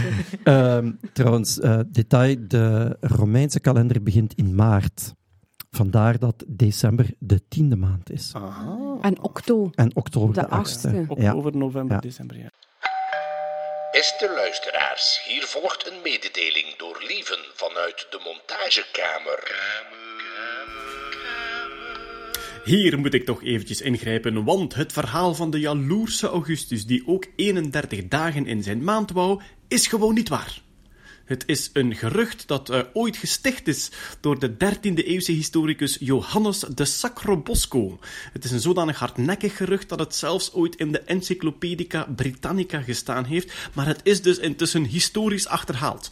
Eh, de maanden juli en augustus, die toen nog quintilis en sextilis heten, hebben al 31 dagen sinds voor augustus, namelijk sinds het begin van de Juliaanse kalender door Julius Caesar hemzelf. Eh, die heeft toen sextilis en quintilis 31 dagen gegeven. Na de dood van Caesar is quintilis dan van naam veranderd naar juli. En tijdens het leven van Augustus is sextilis veranderd naar augustus. En maart was inderdaad de eerste maand van het jaar, wat ook verklaart waarom februari minder dagen heeft. Ze kwamen gewoon niet mooi uit op het einde en dachten ze goed, dan maken we die laatste maand maar een beetje korter. Voilà, dat is alweer rechtgezet. Het andere stadje was Herculaneum. Herculaneum. Voilà. Ja, sorry, En die dat is- is echt, sorry, ik ben Ja. er al keihard aan het zoeken. Ik heb En dat, is, gezegd, en dat is niet bedolven onder as, maar door modder. Ah. Modderstroom. Goed, Maar- maar... Maar, maar, maar. De datering is De bijgesteld. datering is nu ja, bijgesteld of bevestigd. In ieder geval, er is een Italiaanse archeoloog die heeft een poging gedaan om die bevestiging te zoeken aan de hand van vissenbeentjes. Nu, ehm, nu moet je weten dat een van de, een van de meest populaire eh, voedingsmiddelen in de Romeinse tijd was eh, garum. En garum is een vissaus. Dat bestaat nu nog. Hè. De, de- je, je kunt zo De- van die Nuac Nam, of hoe heet het dan in eh, Vietnamese vissaus? Daar, daar lijkt het eigenlijk op. Het gaat, komt er eigenlijk op neer dat je ofwel ganse vissen, en dan is het eh, makreel, sardine en anchovissen en nog een paar andere, gewoon in pekel legt en dan drie maanden in de zon laat staan. Oh, jezus. Nog steeds een onderdeel van de. Italiaanse keuken. Zoals ik het noem, afwassen.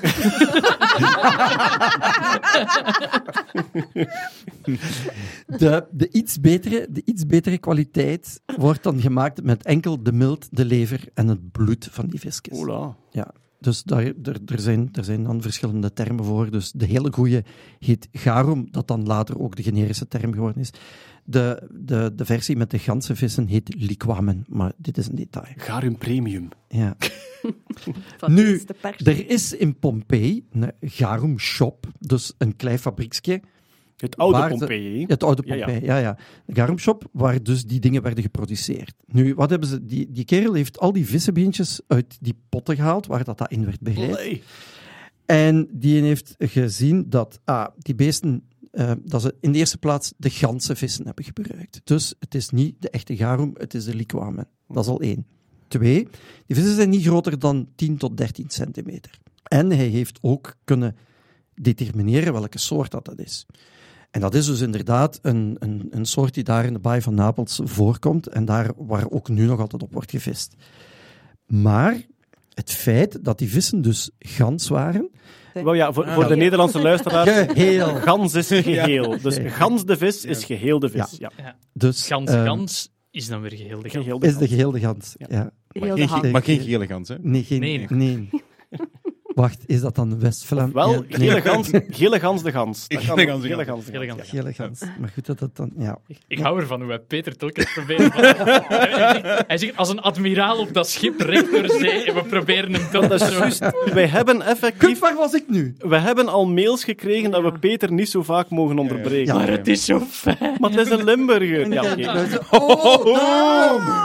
Peter, Fight, ja. fight, fight. Maar dat is omdat jij Nee. lange pauzes laat. Ah. Maar dus.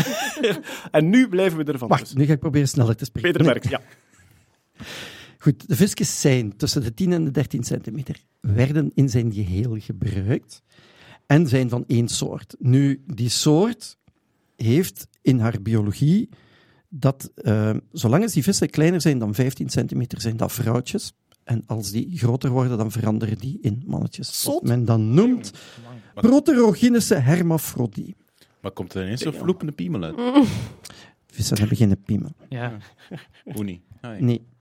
Maar goed, dat is ons te ver voeren. Ehm, dus, en wat blijkt, ehm, vanaf februari beginnen die beesten in scholen te vormen, dus in, eh, beginnen in groepen te gaan, gaan zwemmen. En dat duurt ongeveer tot eh, september, september, oktober. En in de paartijd gaan de vrouwtjes dus in de hogere waterlagen, die beginnen daar eitjes te leggen en de mannetjes zitten daaronder. Dus wat vindt men? Men vindt voornamelijk als je gaat vissen, je vangt vrouwtjes. Dus 10 tot 13 centimeter, dat is al een bevestiging. Ze worden pas als ze 15 centimeter zijn, zijn het, eh, zijn het eh, mannetjes. Maar ja, misschien zaten ze daar al drie maanden op die pekel. Nee, ja, maar daar komt het nu juist. Ehm, ze weten dat het proces... Het proces is al verschillende keren in de literatuur door bepaalde Romeinse schrijvers al beschreven. Dus als die beesten worden gevangen, die worden eerst een, een week op die pekel geweekt. En dan pas in de zon gezet. Nee, je mocht niks zeggen. Vandaar het werkwoord weken. Natuurlijk, ja, ja. Ja. ja. Maar hoe zijn ze nu tot in een datum gekomen? Ja, ja, wacht even. Wacht even, wacht even. Dus- Je zo'n weten- Netflix-reeks die je blijft uitstellen, Peter. En nu zeg je mij weer aan onderbreken. Do you want to see the next episode? Next episode on Vissen in potten. Dus, We gaan weer mails krijgen dat we Peter niet laten babbelen. Ga door, Peter, ga door. Ja, maar het, is, het, het, leuke is dat dat zo'n ingewikkeld onderzoek is met zoveel verschillende aspecten aan en dat die kerel daar zo toe is gekomen. Dat daarom vind ik dat zo, zo, zo mooi. Dus hij weet dat het alleen vrouwtjes zijn. Hij weet dat ze door de biologie waarschijnlijk in die periode daar voorkomen. En dat die dan moeten gevist, eh, dus bevist ge- geweest zijn. Maar nu is hij ook naar de groeiringen van die beenderen gaan kijken. En bij vissen is het zo dat, zo, zolang, eh, ook als die vissen volwassen zijn, die beenderen blijven groeien. Dat is niet gelijk bij zoogdieren, dan stopt dat. Maar daar, kan je dus, daar heb je groeiringen in de, in de beenderen. Jaringen, ja. Ja, en dus ze hebben dan gekeken, de buitenste jaring, dat is natuurlijk de, de laatste voordat ze gevangen zijn, dat is een redelijke brede en die is licht van structuur, wat wijst dat ze dus in warmere wateren en in rijkere wateren terecht zijn gekomen. En als je al die puzzelstukjes bij elkaar steekt, dan kom je eigenlijk tot de vaststelling dat die beesten waarschijnlijk rond midden augustus zouden moeten gevangen zijn. En als je dan telt van, oké, die hebben een week daarop gelegen, want daarna moet je in het potje beginnen te roeren en dan gaan al die beentjes kapot, vermits die visjes nog gans waren, Mm, hebben die daar dus maar heel kort in gelegen en zegt hij van, ah, voilà, augustus, dat is het tijd. Dus via een geniaal, tijdrovend en meticuleus Ja, onderzoek heeft heeft, hij bevestigd wat we al wisten. Ja. En, en, het, en het schone is dat hem zelfs dan zegt van, ja, maar oktober kunnen we ook nog niet helemaal uitsluiten. Dus echt C- eh, Ja. CSI Vesuvius. Dus, Met een heel groot interval, ja. Ja, super. Kijk, Maar ik, eh, vind, ik vond het zo een, een bijzonder boeiend, dat is zo'n heel ander soort arche- archeologie wat je dan ja. tegenkomt. Eh, Maar dat, is- dat, vind, dat vind ik geweldig intrigerend aan, aan dat soort archeologische technieken. Je hebt Voilà. ook zo die, die eh, jaringdatering. Hè? Dat, Ja. jaringen zijn dikker en dunner volgens goede en minder goede ja, jaren. dus dat heeft hij dus hier ook gedaan. En Maar met, bij met bomen- bomen doen ze net hetzelfde. Ja, en met bomenkunde, als je heel veel afvalhout hebt van een bepaalde streek, kun je heel lang teruggaan in je opeenvolging van dikkere en Ja, dunnere... je kunt al die, Ja, je kunt van, van verschillende bomen die jaarringen gaan vergelijken. Want als je bij- bijvoorbeeld bij boom eentje, eh, die een boom overlap, 1, ja. daar doe je een, een doorsnede en dan heb je heel die jaarringen cyclus. Maar die is bij een andere boom hetzelfde. Want als je die naast elkaar legt en je kunt dan overlappen maken. En zo kun je dus heel lang teruggaan in de tijd. Er bestaan van bepaalde streken bestaan er Ja. eh, jaringcatalogussen tot 1300 jaar terug. En als Mhm. je daar dus een stuk afvalhout vindt, kun je dat gewoon naast de catalogus leggen. En je kunt dat matchen wanneer, wanneer dat... wanneer dat, dat. En dat gebruiken ze dan bijvoorbeeld ook om koolstof-14-dateringen Ah, ja. op te baseren. Ja, dus dan combineren ze dat met ja. elkaar. Ja. Goed, eh, er was nog een archeologie-nieuwsje dat ik wel spannend vond. Namelijk de, de, de scarabee, de mestkever, centraal in het borstjuweel van Tutankhamon, is gemaakt van Libisch woestijnglas. Namelijk woestijnzand dat verglaasd is door een meteorietinslag. 26 miljoen jaar geleden moet er een meteoriet ingeslagen zijn op de Libische woestijn. Dat heeft een gigantische glasvorming van dat zand veroorzaakt. En dat is in de oudheid heel vaak als juweel gebruikt. Waaronder dus die scarabee in het borstjuweel van eh Tutankhamon. De, het mineraal wordt impactiet genoemd. Oh joh, Van de impact. Impactiet. cool. Ja. Ik heb niks. Ja.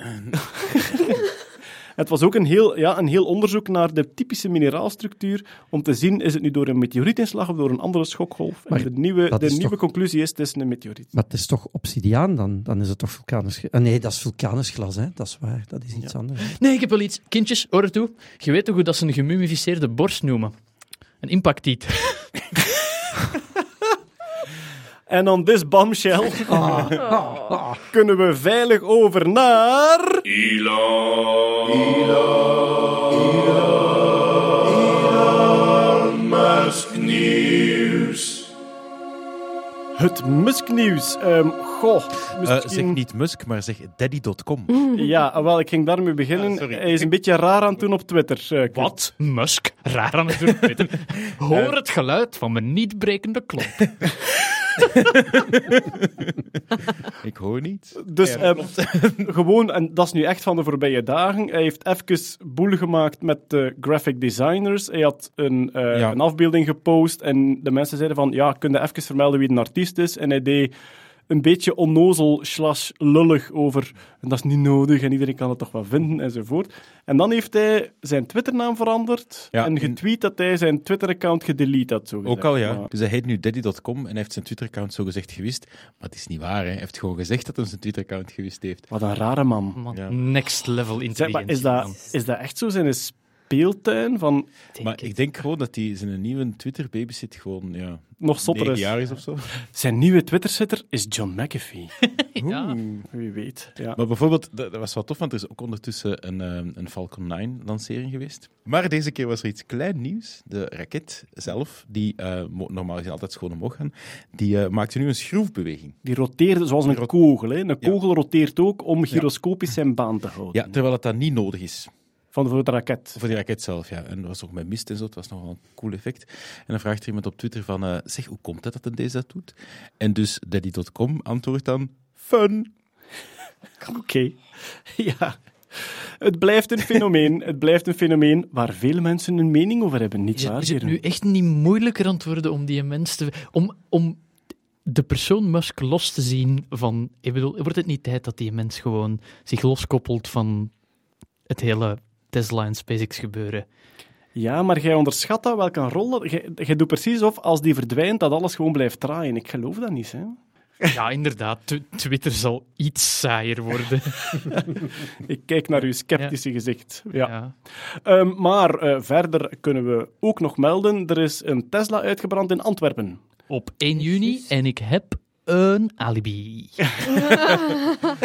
ja, en, maar dat is in de krant geweest omdat de brandweer een speciale manier nodig Ja. had om die te blussen. Ja. Die Het is ook een, in het journaal geweest, Ja. uitgebreid. Ja. Het was een die moest- die Nederlandse... Die moest 24 uur in, in een bad blijven Mm. steken, Ja. zeker. Hè? Ja. Ja, inderdaad, niet de chauffeur, de auto. hè. Ja, de auto, ja. Dus eh, een Nederlandse eigenaar van een Tesla had die aan een supercharger gehangen, denk ik. En dus die was eh, in brand gevlogen. Het is nogal gebeurd, eh, elders ter wereld, dat ze terwijl ze aan het opladen zijn in brand schieten. Geweldige feature. En dus inderdaad een nieuwe techniek die ontwikkeld is voor elektrische auto's, eh, die dan door de brandweer beschreven werd in het journaal, is om die 24 uur in een bad te leggen, omdat de batterijen nog kunnen oververhitten na het blussen door de brandschade. Maar, Jeroen, er was ook een interview met de brandweerman, waarin de VRT-journalist vroeg van hoe zit het nu met die risico's op elektrische auto's? En de brandweerman zei, goh, eigenlijk heb ik elke auto al zien branden. Dus volgens hem, statistisch gezien, zijn het aantal branden in de elektrische auto's niet significant hoger tegenover brandende benzineauto's die je ook af en toe langs de weg ziet staan. Raar statement van een brandweerman wel. Ik heb elke auto al zien branden. Ja, maar ik vind het een logische vraag, Ja, dat omdat is waar. Ja. Eh, Musk heeft daar ook al op gealludeerd op de publication bias van Tesla-ongevallen. Tuurlijk, ja, ja, ja maar da- Ja, daar, met- daar volg ik hem zelfs. Dat is met zelfrijdende auto's in het algemeen ook. We hebben dat zelfs een tijd geleden zelfs aangehaald, denk ik. Dat als je nu een toestel op de markt zou brengen met de gekende dodenratio wat dat de auto heeft, iedereen houdt dat tegen en dan mag Ja. nooit op de markt komen. Terwijl nu die zelfrijdende auto, ja, het aantal eh, ongevallen dat daarmee gebeurd zijn in alle testprojecten, zo, ja, dat is op twee handen te tellen. Maar iedereen kent ze wel allemaal, hè? Ja, dat is, dat is een beetje, dat is een beetje mijn, mijn vaste conclusie bij dingen die nieuw zijn. Dat mensen daar problemen in gaan zien die eigenlijk al bestonden. Ja. En het beste voorbeeld, ik was nu, we waren gaan logeren in een, een Airbnb en die had zo een sleutelkluis. Je kent dat wel, hè? Zo een kluisje met een nummerslot Ja, waar de sleutels ja. in zitten. Dat je niet moet afspreken met de eigenaar. Ja, en dan krijg je de, de cijfercode en dan zit daar de sleutel van het huis in. En ik vertel naar iemand en die zei van, allee zeg, zo'n sleutelkluis, dat is dus een redelijk stevig metalen ding. En die zei van, maar allee, als er dan een dief komt en die heeft een slijpschijf, dan heeft hij gewoon de sleutel. Ik zeg, ja, als die een slijpschijf heeft, krijgt hij de deur ook open, hè. dat is zo typisch Ja. nieuwe problemen zien, omdat iets nieuw is, zo, ja. Dus uitgebrande Tesla in Antwerpen. Verder heeft Musk ook gezegd dat een Hyperloop-tunnel... Ja. Daar oh, hebben we- oh, Oh, oh, wacht, Nu Jeroen- we eens moeten terugspoelen Jeroen warmt naar zich de op. persoon die dat hoeveel maand geleden is dat? Zes, zeven maand geleden zei van, bon, een tunnel dus. Oké, Maar toen zaten jullie hier van, nee Jeroen, er is een 3D-animatie met een soort van slee waar verschillende units op kunnen rijden om, om mensen efficiënt door een suburban area te bewegen. En nu zegt Musk zelf, iemand vraagt hem, waarom heb je het idee van die sleeën waar die voertuigen op komen, waarom heb je dat laten gaan? Dit is gewoon extra verslijting op uw wagen zelf, want die wagen moet nu zelf door de tunnel rijden. Ach, eh antwoordde Musk, of ja, daddy.com, over dat ook tegenwoordig ja. This is simple and just works. Het is gewoon een tunnel geworden. Een lelijke tunnel waar dat je met één auto in kunt rijden. objection, Your Honor. Eh, ja, Objection. zeg Dus, het eens. de, het hele opzet van de Hyperloop was, we kunnen... Nee, het is geen Hyperloop. Het is, nee, de Hyperloop een is, iets anders. Het is, het is de, de, boring, de Boring Company tunnel. tunnel. Ja. Het hele opzet van de tunnel van de Boring Company was, als we hem kleiner maken qua diameter, kunnen we gigantisch veel sneller werken. Maar het grote bezwaar tegen een kleinere diameter is veiligheid. En het probleem was, ehm, ge- die tunnel is zodanig klein dat je daar als menselijke chauffeur niet op een veilige manier door kunt. Dus de eerste oplossing was, uw voorwielen worden geklemd en worden geleid door de tunnel. Maar op dit moment is het veranderd, waardoor de eh, Tesla of de andere auto enkel in self-driving mode erdoor mag. Dus de tunnel is te nauw voor een menselijke bestuurder om betrouwbaar te zijn, maar de self-driving mode kan het wel, omdat het ook een ruisvrije omgeving is. Er is geen ander verkeer. Dus hij kan op dit moment, werkt hij zonder die slee voor de voorwielen, maar hij kan enkel gebruikt worden door zelfrijdende auto's die geprogrammeerd zijn om dat traject precies te volgen. Was er maar een soort van systeem, een soort van, soort van mechanisch mechanisme om, om een voertuig op een bepaalde ja, traject houden? Ik zou het een rail noemen. Maar Ja. een rail is een extra kost, hè? Niet? Goh, Dus jij bedoelt een metro. ja. Dus, dus een auto op een metro laden en dan Nee, terug nee, naar nee, omhoog. nee, nee, nee, nee. Een metrostel. Maar met een metro kun je niet daarna met je auto omhoog komen en je last mile met je Oh ja, auto af. want die lift zag er zo goed uit in dat filmpje. De traagste cargo-lift ooit. Nu zijn ze aan het zoeken naar argumenten. Ik ben niet aan het zoeken naar argumenten. Hij heeft zelf moeten toegeven dat het gewoon een lelijke grijze tunnel geworden is, waarin dat er sowieso eens een auto gaat vastgeklemd zitten en dan sterft je in een konijnenpijp. omdat, je, omdat je te chichi bent om met een auto door een arme buurt te Dat is rijden. goed. Weet je wat, Jeroen? Blijf jij met je aluminiumhoedje en je Linux-computer dan maar, boven de grond in de file staan. Even, tussendoor, eigenlijk zouden we dit stuk moeten filmen. Het is echt gewoon de vuur en de bliksems die van de ogen. Dat zich gewoon een beetje aan het revisioneren. Zes, zeven maand geleden zaten we hier te gapen naar dat 3D-filmpje. En heb ik Ja. toen nog gezegd, er is een 3D-filmpje van, ik geloof er geen, excuseer mot, kloten van. we zijn zes maand later en Elon Musk, GoDaddy zelf, moet zeggen, goh, GoDaddy.com. GoDaddy.com, sorry. Ja, Wat dat er in dat filmpje stond, dat ga ik helemaal niet maken. Het is gewoon een tunnel. Wacht, maar hij heeft de slee wel gemaakt. Hè? De slee is Oh echt ja, sorry. gemaakt en getest. Ja. Oh, ja, Oké, dat is goed. Dus hij heeft een filmpje gemaakt. Eh, uit dat filmpje het niet gemaakt? Ja, uit heeft dat filmpje gemaakt. Uit dat filmpje niet kunnen afleiden dat het een enorm dom idee was. Dan verdomme is nog eens geld tegengesmeten om het in het echt te maken. Dan in het echt te, te kunnen zien dat het een dom idee was. Om dan vervolgens die slee waarschijnlijk naar een of andere grot in Thailand te moeten verslepen. En dan heeft hij gezegd, we gaan toch een tunnel maken. Had hij maar geluisterd naar zijn goede vriend Attier Baart op Twitter, die hem toen gezegd heeft, ah, een tunnel dus. Ik zou uw Twitter-handle veranderen naar gomommy.com. Eh, maar, maar even serieus. Ik heb nu net... Ik was al serieus. dat, zijn zo van, dat zijn zo van die debater-trucken, hè. dat doen ze in de zevende dag toch altijd. Ja, ja, maar- ja, meneer IJskes, Ik heb maar break- nu even serieus. Ja, maar ik heb wel, alles break- weggehaald. ik heb wel Satoshi breaking news, hè. Ik heb wel breaking news. Ik heb net de Twitterpagina van Elon Musk terug eh, gerefreshed. En, En hij noemde een pedofiel. Nee, nee, nee. Hij heet terug Elon Musk. Allee, jong. Hij is, hij is live aan het meeluisteren. Hij is aan het meeluisteren. We, we hebben invloed. We hebben het over zijn lelijke tunnel. Het kan me niet schelen of dat hem Elon Musk of, of Flubber de Flubber heet. Zijn een tunnel Toch wel. mislukt. Goed, maar we gaan van Tesla over naar SpaceX. Dus ja, er was weer een Falcon 9-lancering. Maar voornamelijk, we hebben onze live podcast gedaan op het Sound of Science Festival. En daar spraken we over de Starlink-satellieten. Dus Starlink zijn idee om met microsatellieten een soort internetnetwerk over de hele wereld, dus dat over heel de wereld eh, via satelliet internet zou kunnen krijgen. Een, een netwerk van 11.000 satellieten, denk ik, waar veel sceptisch over is, dat geef ik toe. Maar zijn eerste lancering van 60 Starlink-satellieten was vlak voor onze live podcast op Sound of Science. En die zijn gewoon overgekomen. Dus ehm, die, die waren te zien als 60 lichtpuntjes aan de hemel in België en in Nederland. Het eerste filmpje van die 60 lichtpuntjes op een rij die overvliegen is door een eh, Nederlandse eh, professor gemaakt. En zijn naam ontschiet mij nu, maar misschien vinden we het nog, of wel zetten we het erin in de montage. De Nederlander die het eerste filmpje gemaakt had van de 60 mooie Starlink-satellietjes op een rij, heet Marco Langbroek. We zetten een link naar zijn filmpje op maandoverzicht.nerdland.be. Einde bericht. Dus die satellieten worden gelanceerd en daarna moeten die langzaam uit elkaar bewegen om eigenlijk op een bepaalde afstand van elkaar in een baan rond de aarde te zitten. Maar vlak na die lancering hangen die echt nog in een soort rijtje. En er staan magnifieke filmpjes van echt zo 60 lichtpuntjes op een rij die aan een vaste snelheid overkomen. Ik heb het gevoel, de Iridium-satellieten zijn bijna allemaal uit de lucht. Ik net hetzelfde zeggen. ja. Ik was aan, aan het kijken wat de Sputnik-app een update had. Nog niet, nee. Nog niet. Ik heb al zitten kijken naar apps die de Starlink-positie kunnen voorspellen. Op heavensabove.com kunnen hem voorspellen, maar, maar speculatief. Ze zijn nog niet zeker. Maar ja, de Iridium-satellieten, die magnifieke flitsen aan de hemel, die zijn nu... Er zijn er nog twee of drie, dus ik denk twee keer per jaar kunnen er nog een zien in België. Maar die Starlink zou een, een soort nieuwe Iridium kunnen zijn, waar direct een soort zeer belangrijke opmerking bij hoort van de sterrenkundigen.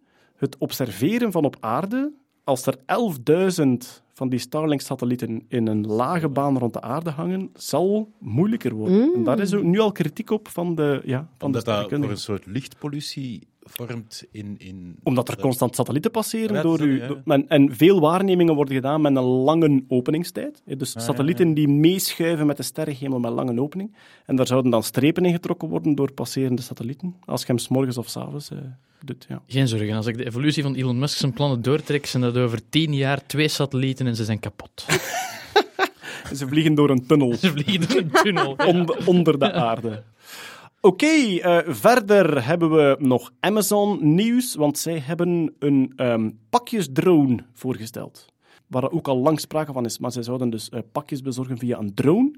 Die zou verticaal opstijgen als drone, maar er zit ook een soort vliegtuigstaartje aan, waardoor ze ook horizontaal sneller kunnen vliegen in een soort vliegtuigmodus. En zij beweren dat pakketjes die je online bestelt in stedelijk gebied binnen het half uur zouden landen in uw tuin. De dienst zou Prime Air gaan heten. Prime Air. Klinkt een beetje als Primark, maar Ja, dat zullen een hem niet aanwrijven. En hij heeft dat voorgesteld op zijn Remorse-conferentie. Een soort conferentie over AI onder andere en robotica, waarvan ik mij afvraag, waarom staat er Mars in de titel? Ja, maar Dat Jeff, is, dat is hip tegenwoordig. Hè? ja, Jeff Bezos, eh, ik zeg het, ik had het op de live podcast ook al gezegd, hij verwerkt zijn scheiding eigenlijk echt niet zo goed. Maar dus, ehm, ik moet wel zeggen, de bezorgdrone is iets wat hij nu voorstelt, wat Elon Musk nog niet heeft. Dus dat is wel nieuw, hè? Dus dat hij niet gewoon Musk nadoet.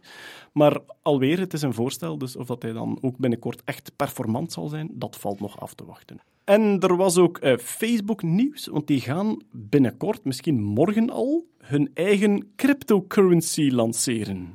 Ja, En de vraag die velen zich stellen is: is dat eigenlijk wel cryptocurrency en niet gewoon een soort PayPal waar dat je een fancy naam aan geeft? hoe dat ze het zelf hebben aangekondigd tussen lijnen door, is het moet zo gemakkelijk worden om geld tussen vrienden te sturen als dat het nu is als foto's tussen vrienden te sturen.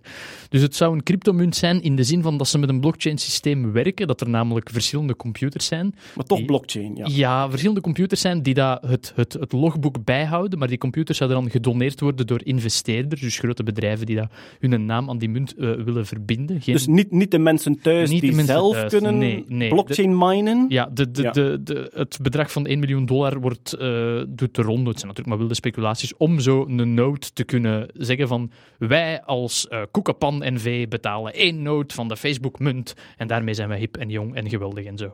Ehm, en ook, ze zouden de munt eh, zo nauw mogelijk proberen te verbinden met ook echt geld. Het- Linken, linken aan de dollar. Linken aan de dollar, linken aan een hele hoop valuta die dat stabiel geacht worden. Dus het, het wordt geen wilde speculatiemunt zoals dingen. Geen waardeschommelingen. Nee, Ja. nee. Ze, ze, ze proberen eigenlijk een beetje ja, PayPal-gebied in te. Nee, Ja, maar niet alleen PayPal, maar gewoon internationaal. Ja, Alle, ja. alle banken en, en Visa Ja. en Mastercard en al die nest gewoon een hak te zetten Ja. door het feit dat je dan op Facebook via WhatsApp, hè, dus de, de, de, hoe heet het hier, de Payconic en, en zo de, de Ja, bankcontact. Ja. Ja. die allemaal gewoon een hak zetten en mensen ja. En er zijn, er zijn wel wat stemmen op dat zeggen van ja, maar wacht, Facebook controleert al zoveel. Als die ook nog een Als keer de monetair Ja. gaan controleren, ja, dus dat zijn namelijk Europese centrale banken en, en, en Ja. eh, die dat soort dingen ook proberen te doen. En dat is wel... eh, Ze hebben een Zwitsers financieel bedrijf onder de arm genomen. Dus het, het, het is al een gerucht dat een paar maanden de ronde duurt. Maar nu lijkt het toch wel dat ze deze week naar een, een, een verklaring gaan afstevenen. Ja. Nu, nu eh, volgens de laatste ding is het pas in 2020 dat ze het gaan doen. Hè. Dus ja, dat is volgend jaar. Hè. Kunnen Ja, we wel een beetje trammeland maken. Hè? Ja. Maar dus ze zou de Libra heten, denk ik, de munt. Dus Ah, ik had de WorldCoin gehoord. WorldCoin, ja, we zullen zien waar dat op, dat op Het is. Project Libra heet het. Ah, oké, Project Project Libra. heet het en- project, ja. oké. Maar eh, ja, dus om, om samen te vatten, is cryptocurrency goed. Ze zouden wel blockchain-technologie gebruiken, maar het is wel gecentraliseerd op een manier, want het is niet van iedereen. Hè. Het is niet dat iedereen blockchain kan minen van die Facebook-munt. Het moet echt enkel de gecontroleerde computers. Dus het verschil met PayPal, die gewoon een, laat ons zeggen, goed beveiligde Excel-sheet bijhouden van wie er hoeveel centen heeft, is kleiner dan bij En Bitcoin. PayPal die ook gebackt wordt door, ja, je moet daar wel geld op zetten en geld Ja. betalen. Daar, daar hangt een Visa-kaart aan. Dat is, dat is een echt banksysteem dat erachter hangt natuurlijk. Maar bij Facebook zou je dan ook die munt kopen, neem ik aan. aankopen, ja, inderdaad. En ze wordt gelinkt aan echte munten om dat hele volatiele, stijgende, Yep. dalende... te- Yep. Want dat, dat zou als Facebook-gebruiker niet echt aangenaam zijn, dat je er 100 koopt Ah, natuurlijk en niet, de ja. dag daarna zijn ze Mm. 20 waard. Dat zou ook Ja. rijp zijn voor speculatie. Als Facebook morgen een echt vrije munt lanceert, zo een of andere Bitcoin-clone, waar ze gewoon copy-paste en dan overal door Ja. Bitcoin vervangen hebben door- door Facebook-coin, dat zou zo kapot gespeculeerd worden. Dat is nu ook een beetje het probleem met Bitcoin. Iedereen is maar die Bitcoins aan het vasthouden, maar vanaf dat er iets groot beweegt op de markt, namelijk als een van die walrussen eh 500 miljoen overschrijft naar de andere, Ja. dan vertraagt alles zo hard. En er zijn zoveel mensen die vasthouden aan die munt, die denken van, ah, ik ga op een bepaald moment ga ik uitcashen. Je moet het wel kunnen uitcashen op een bepaald moment. Hè. Met mijn beperkte economische kennis, eh, er moet genoeg volatiliteit zijn om gewoon je geld eruit te kunnen halen. De, de, dat is... de reële waarde tegenover Ja. de speculatieve waarde is een beetje in onevenwicht dan, eh, eigenlijk. Ja. Oké. Maar ja, we hebben, daar, we hebben daar een Moel de Geek podcast over gemaakt, hè, over de bitcoin-technologie. Dus die valt nog steeds te beluisteren als je Moel de Geek... Maar dat vind ik wel een straffe, want ai, met, de, met de basis-economische kennis dat ik heb, is dat ze wil langs de ene kant wil ze die munt eh, koppelen aan, hè, ze wil die aan, aan peggen, aan, aan een soort gemiddelde van, van de dollar, de Ja. euro en de yen, en misschien nog wel wat andere aan, aan munten. Maar langs de andere kant, net zoals alle goederen en munt op dat vlak is ook een goed, wordt die waarde heel hard bepaald door vraag en aanbod. Ja. Dus je gaat daar een keuze moeten maken, ofwel gaat een heel groot verschil op een bepaald moment misschien creëren. Ehm, stel bijvoorbeeld dat een US, nu gaan we even in detail, misschien stel dat een dollar en een euro heel ver uit elkaar zouden gaan. Ja, en uw Facebook-munt blijft het gemiddelde van de twee halen, dan heeft één van de twee een gigantisch voordeel Ze kunnen toch speculeren. om te gaan Ja, ja, speculeren. Ja, ja, ja. Dus, dus En in- ja. de- de Facebook is gewoon nog altijd omnipresent in ons leven, op onze telefoons, in onze apps. En ik denk dat die gewoon op alle mogelijke manieren nog probeert te cashen. Nu ze nog iets wat goed wil hebben, want die is ook aan het afnemen. Mhm. Ehm, ik denk dat die gewoon zeggen van kijk, we zijn overal aanwezig. Of dat we nu volgende week een gameplatform lanceren, of een virtuele munt, of eh Choco, I don't care.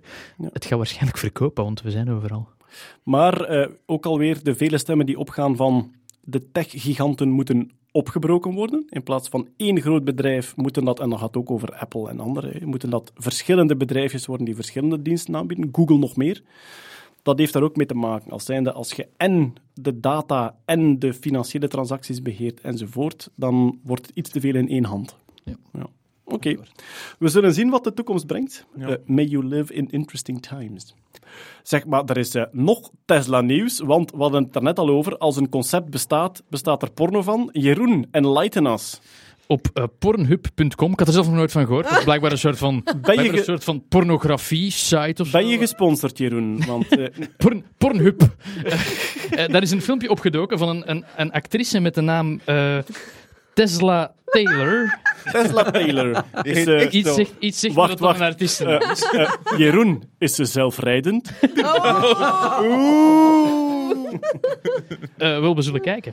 Ehm, zit, het, het, filmpje is gefilmd. Ik heb het natuurlijk puur als natuurdocumentaire bekeken. Het filmpje is gefilmd vanuit het oogpunt van, ik veronderstel een man, want op een bepaald moment haalt, haal- haalt de, de persoon eh, in wiens camerastandpunt we, we zitten, haalt hij ook een penis boven. En die haalt een eh, Tesla Taylor, een Tinder date, haalt hij blijkbaar op met, met de wagen. En die wagen is een Tesla Model 3, die op dat moment nog niet zelfrijdend is. Maar vanaf het moment dat die man, de date gaat blijkbaar heel goed, want de, de vrouw begint zichzelf te. as you do. Dat is natuurlijk dat dat gaat, hè, Hetty? Ik weet, ik weet, Ja, ja, ja, ja. ik weet dat niet. hè. En eh, dus die vrouw begint zichzelf te plezieren. Ik zal eventjes doorspoelen. En dan, dan begint die vrouw ook de, de, de man te, te, te plezieren. En op dat moment schakelt de wagen wel degelijk over naar eh, zelfrijdende modus. Dus voor de kinderen die luisteren, ze zijn een gezelschapsspelletje aan. Ze zijn een gezelschapsspel. Een plezierig, Ja. plezierig Waarom gezelschapsspelletje houdt jij je hand daarvoor? in Ja, een, we zijn, dat is een beetje raar zo. Met in een zelfrijdende auto. Ja. Ja, Het, het, gaat zo oké. nog even, het gaat zo nog even... Het duurt een tijd, hoor. Allee, het is, het is eh, Maar dus, om samen te vatten, allee, vijf minuten. Ja, maar De- wat wat is de race van die auto? het eerste... Ja, ze, ze, de- er wordt ook gereden terwijl de, de Ah, wagen rijdt. erop, ja. ja. Nu zit ze erop. Ja. En wat dat ik wel goed vind, is het, het, het, het, het, het, het, eh, het dashboard blijft proper. Dat zou ik Jezus. meteen... Ja, maar ja, dat is allemaal zo mooi chroom en, en, en, en glanzend en zo.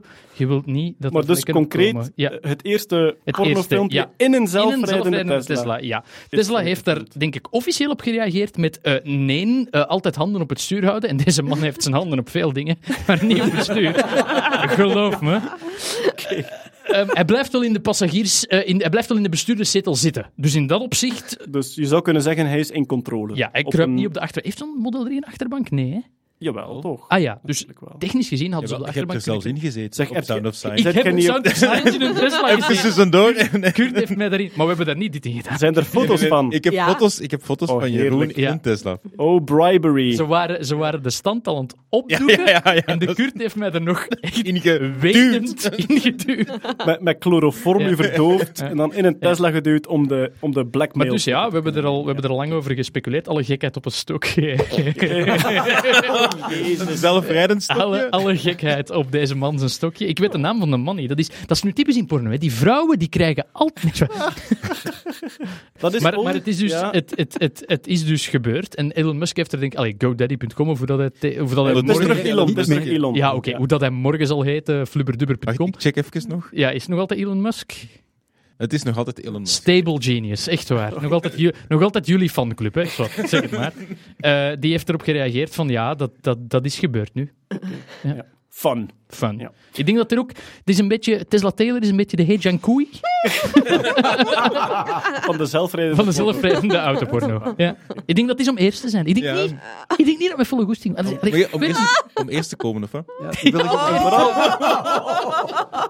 En wat mij zo stoort aan haar actie is, er waren andere methodes om hetzelfde te bereiken. Dus het was Het was te vroeg. technologisch niet nodig. Het was te vroeg. En pas op, dat we dit later gaan doen, ik denk het wel. Maar Ja. de Maar dan, technologie als is het, nog een niet nut, rijp. als het een nut heeft, lieve. Als Ik het een vind- nut heeft. Als het een specifiek. Als het een specifieke nood Kijk, voldoet. dit soort dingen test je eerst op muizen. Dat lijkt mij logisch. Dat lijkt mij logisch. En Ja. dan gaan we daarin verder. Dus het was alleen voor de aandacht. Kom aan, Hetty. Je hebt wel goed geluisterd, dat doet mij plezier.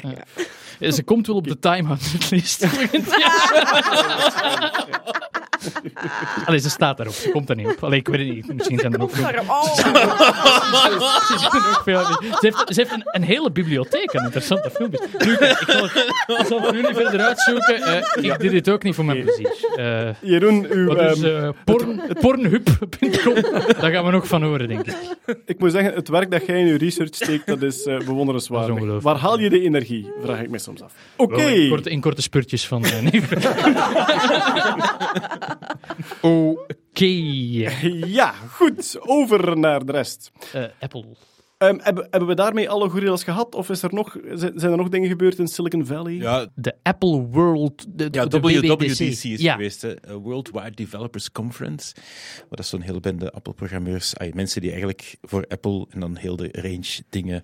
eh, dat is niet voor- de productvoorstelling, hè? Nee. Wacht, wacht, wacht. Dat is, eigenlijk, eigenlijk is dat een tech-conference. Ja. Maar dat is in de loop der jaren heel hard uitgegroeid, omdat bijvoorbeeld Steve Jobs daar elf jaar geleden, ondertussen twaalf jaar geleden, ik weet niet zeker, de eerste iPhone heeft voorgesteld. Ah, dus het, Dat is- het, Ja, het, het- het het iconische, iconische- filmpje ja. van And Then One More Thing was Voilà, daar. inderdaad, ja, was het, daar, het ja. Coltrui-moment, ja. Ja, voilà, dat was daar. En eh, dat is in de loop der jaren geëvolueerd dat eigenlijk iedere keer softwaregewijs de nieuwe lijn van eh, zowel het besturingssysteem van de Apple als van de iPhone, als van de iPad, als van heel de i-familie daar voorgesteld wordt met de nieuwe features. En ja, ieder jaar is dat minder en minder indrukwekkend. Maar wat dat vooral wel opviel, en dat er wel redelijk wat over gepraat wordt, en dat zo half als marketing stunt, is dat Apple heel hard privacy als hun product aan het verkopen is. Ah, als hun unique In selling tegenstelling point. tot Ja. Eh, bijvoorbeeld wat dat Google, hè, als je op Google ehm, de, de, zowel Chrome als een Android als Google Search gebruikt, je betaalt met je data. Hè. Je mocht gratis diensten gebruiken, Facebook net hetzelfde. Apple gaat erop van, kijk, bij ons betaalde veel en je krijgt privacy in return. En dat vind ik wel een heel interessant spanningsveld, want dat is een tech-company die eigenlijk een, ja, een basis mensenrecht misschien als product gaat verkopen. Maar voor, hen, voor hen is het waarschijnlijk commerciële diversifiering. Hè? Als zijnde, dit is waarvoor dat je betaalt bij ons, om het allemaal Voilà. af te schermen, en bij de rest is het gratis, maar je gooit alles op Voilà, exact. hè. Maar ik vind dat wel eh, op zich wel goed dat ze dat ja, heel commercieel dan. Maar dat ze dat wel duidelijk maken, dat ze dat op een, ding zeggen van kijk, de rest is gratis, maar je weet wat je betaalt. Ja, ja. Nu, laat ons lachen met die conferentie ook. Ze hebben ook een scherm aangekondigd, waarschijnlijk een heel goed scherm. Ja, ja, een heel het, mooi, ja, ja. duur, groot, 8K, Ik ben geen, ik ben geen. Apple-fanboy, dus Maar, ja, doe maar. de stand van het scherm, dus de standaard waar je hem op zet, en raad eens hoeveel geld, dames en heren? In Duizend- dollars? duizend Duizend eh, dollars eh, Voor voor, de voor, de staander. stand. Ja, maar het is een hele goede stand.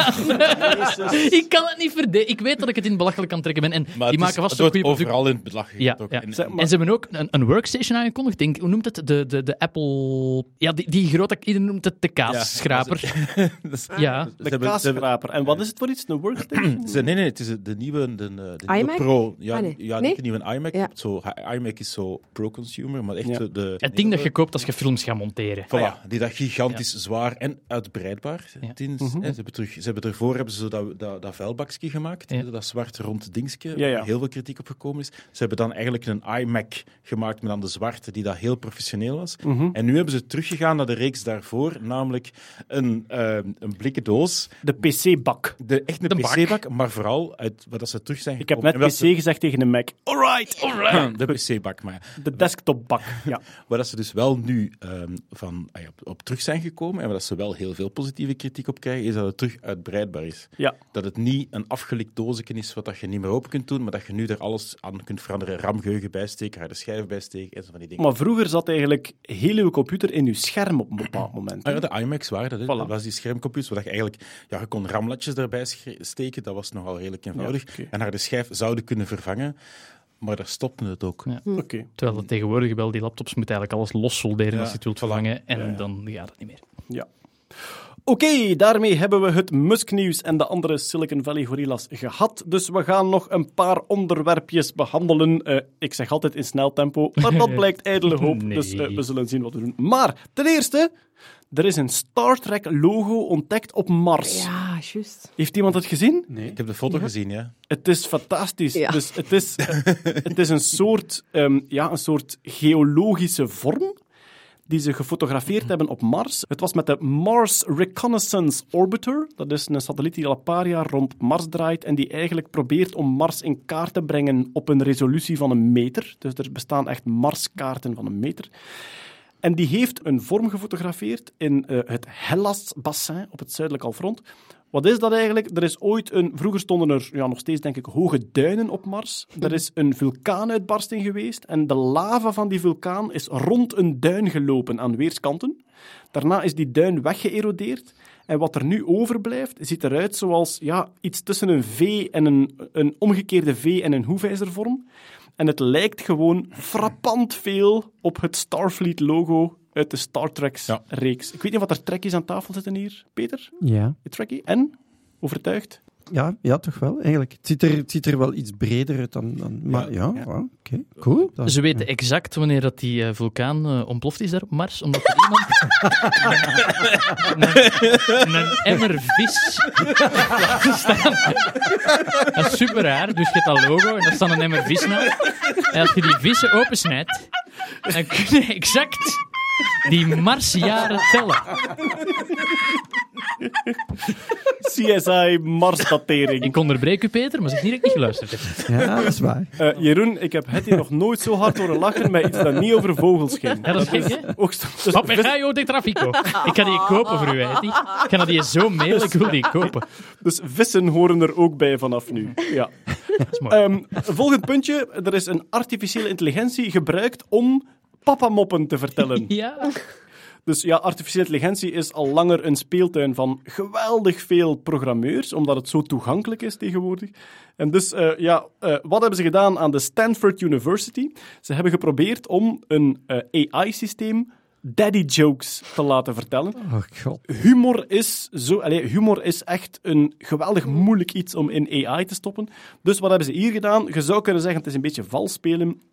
Ze hebben een hele duidelijke mal gebruikt voor een soort humor, namelijk de woordspeling. Ja. Dus wat hebben ze gedaan? Ze hebben dat systeem laten zoeken naar ehm, homoniemen, woorden die gelijkaardig klinken. En typisch in de woordspeling is, je vervangt een woord door een ander woord dat gelijkaardig klinkt, en door de context of het onderwerp krijgt het een dubbele betekenis. Ik zal jullie vergasten op een van de moppen die door het AI-systeem eh, ge- gemaakt zijn. Ehm, daar gaan we. Ehm, ja, ik zal even, alweer, humor werkt het best als je op voorhand uitleg moet geven. Hè. Dus het gaat over eh, peace. Bijvoorbeeld peace. Peace is een homoniem, want peace in het Engels is een onderdeel, een stuk. Maar peace is ook vrede. Dus wat doet de AI? Die zoekt naar twee betekenissen van peace en die maakt dan zinnen die met de twee betekenissen accorderen, zoals dit. That's because the negotiator got my car back in one piece. En peace als vrede gespeld. Dus my car in one piece, mijn auto in één stuk. En peace als vrede verwijst dan naar de negotiator, naar de onderhandelaar. Geen Hetty schaterlach. Dus ik vrees dat uh, Lieve Scheire, eh, gevierd comedian, eh, Ik denk dat het, hier eh, toch net een beetje misgelopen is. Het AI-systeem zich moet focussen op vogels en vissen. Ik, ik zal een andere doen. Ja. Eh, wait, dat kan, kan gewicht betekenen, maar ook wachten. Even, ik, zal, ik, zal, ik zal dan naar Hetty richten. Als ik ze kan doen lachen, dan ben ik de betere comedian. oh man, dit is eigenlijk, eigenlijk waar ik van droom. Goed, hier gaan we, hier gaan we. Even from the outside, I could tell that he'd already lost some weight. Oh, toch een kniffel, toch een kniffel. We hebben een kniffel. Eh, Daar doe ik het voor. Ik heb er nog eentje. Oh, Milia. Je hebt eh, een hare is een haas. Hè? En dus als... eh, Zit gewoon nu echt moppen aan het voorlezen? ja, ja, ja, ja. Ja. Ik wil zeggen, Letterlijk. en Goede comedian, Kurt, kan een telefoonboek voorlezen en Hetty doen schaterlachen. En en dit dan gaat probeer je op- te scoren. Dat is echt- Dit gaat op mijn LinkedIn. Dus eh, een hare is haar, maar is ook een haas. En een haas is waar zo die, die windhonden achteraan lopen. Dus, daar gaat hij. The greyhound stopped to get a haircut. Oh, die is, die is goed. Ah, ja, dat voilà. was een van zijn betere. Maar ehm, de onderzoekers beschrijven het als work in progress. Ja. Maar goed, het, het feit dat je een AI programmeert om daddy jokes te maken, het, het feit dat je kiest voor daddy jokes, zegt je eigenlijk jokes die er net niet zijn. hè. En de onderzoekers omschrijven het zelf als ehm, it has this typical AI almost there quality. En dat merkte bij heel veel AI-generated dingen bijna daar, maar nog net niet. En wat je merkt bij dat soort onderzoeken is, ze genereren er duizend en dan gaan ze die daaruit cherrypicken die een beetje werken. Maar het systeem kan ze zelf nog niet herkennen. Maar, maar door die eruit te pikken, kunnen we wel het systeem nog extra doen leren. Hè? Dat klopt, maar het is zodanig moeilijk, dat soort comedy. Nu, wat dat, wat dat ook... Ik heb een paar boeken over humoranalyse, die geweldig droog zijn, waar dat je niets van bijleert. Je kunt geen een boek leren over, lezen over humoranalyse en daar iets van bijleren. Maar het is wel boeiend om te onderzoeken van waarom vinden we bepaalde dingen grappig en waarom niet. Dat is een soort ongrijpbaar iets op dit moment. En zij hebben een volledige systematiek achter de manier waarop dat zij die woordspelingen laten genereren. En zij noemen het de Local Global Surprise Principle. Dus je hebt een soort lokale betekenis van het woord en een globale betekenis van het woord. Die twee samen zorgen voor het humoreffect, zoals bijvoorbeeld The Greyhound stopped to get a haircut. De haircut is het, de globale betekenis een kapsel. De lokale betekenis met de Greyhound is een haas aan stukken snijden. En dus is- zij komen tot de prachtige term Local Global Surprise Principle. Iets om te onthouden als je nog eens een recensie schrijft van een Geert Hoste show, denk ik. Ehm, ja, de papa-mop. Ik ben sowieso, los van het artificiële intelligentiesysteem, ben ik als papa natuurlijk fan van de papa-mop. En ik bedrijf ook de papa-mop met een, eh, ja, een soort ehm, ja, pathetische passie.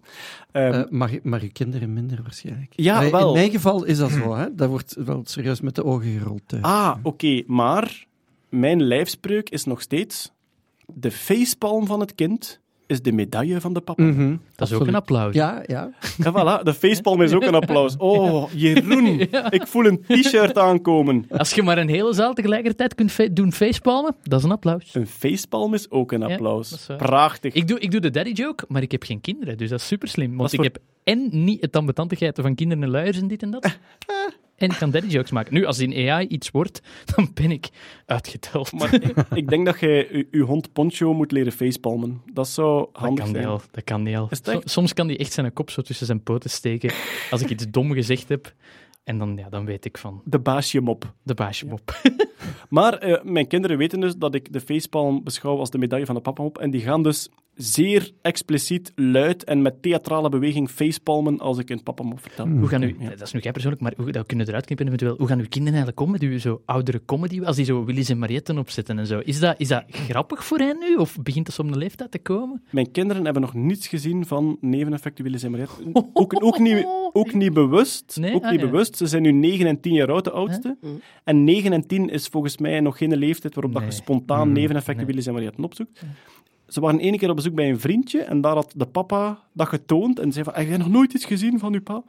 Maar ik zal zien in hun puberteit Dat of dat... toch ehm, aankomen, ja. dus ik, ik, mijn, mijn grootste gok is dat dat heel gênant wordt voor hen en dat ze dat geweldig gaan ontkennen op een manier. Niet? Is dat niet het meest voor de hand liggend? Ik denk het wel. Je hebt wel veel hysterische oude vrouwtjes gespeeld natuurlijk. Ja, dat is Ja. waar. Ja, ja We gaan ik zien, was maar- benieuwd naar. Kijk, ehm, als, als ouder van kinderen die eigenlijk nog een redelijk veilige afstand tot de puberteit hebben, namelijk vijfde studiejaar, vierde studiejaar, dan kunt u zelf nog wijsmaken van, het is er echt nog niet. Wacht maar. Ja, ik, ja, ik weet het, ja. Mijn dochter is één jaar ouder en die zit er Voilà. eh, vol een bak in. Hè? Dus met, als ouder met een soort veilige afstand tot die leeftijdscategorie, is dat nog een beetje een, een, een gok. Zijnde, gaan die geweldig geneer, gegeneerd zijn in hun ouders, zoals bijna iedereen? Of vind ik een soort magische methode waarop dat niet gebeurt? Ik weet het niet. Vraag het mij over Maar, maar vier, vijf jaar. Aan mijn toekomstige kinderen die naar deze podcast luisteren. eh, zoek werk, papa heeft geld nodig. om een, Tes- om een Tesla te kopen? We zullen wel zien.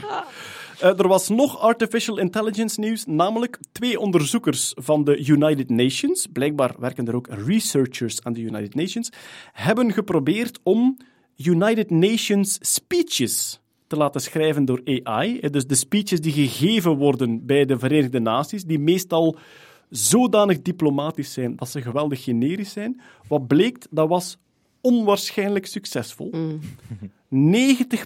van de speeches werden als geloofwaardig beschouwd.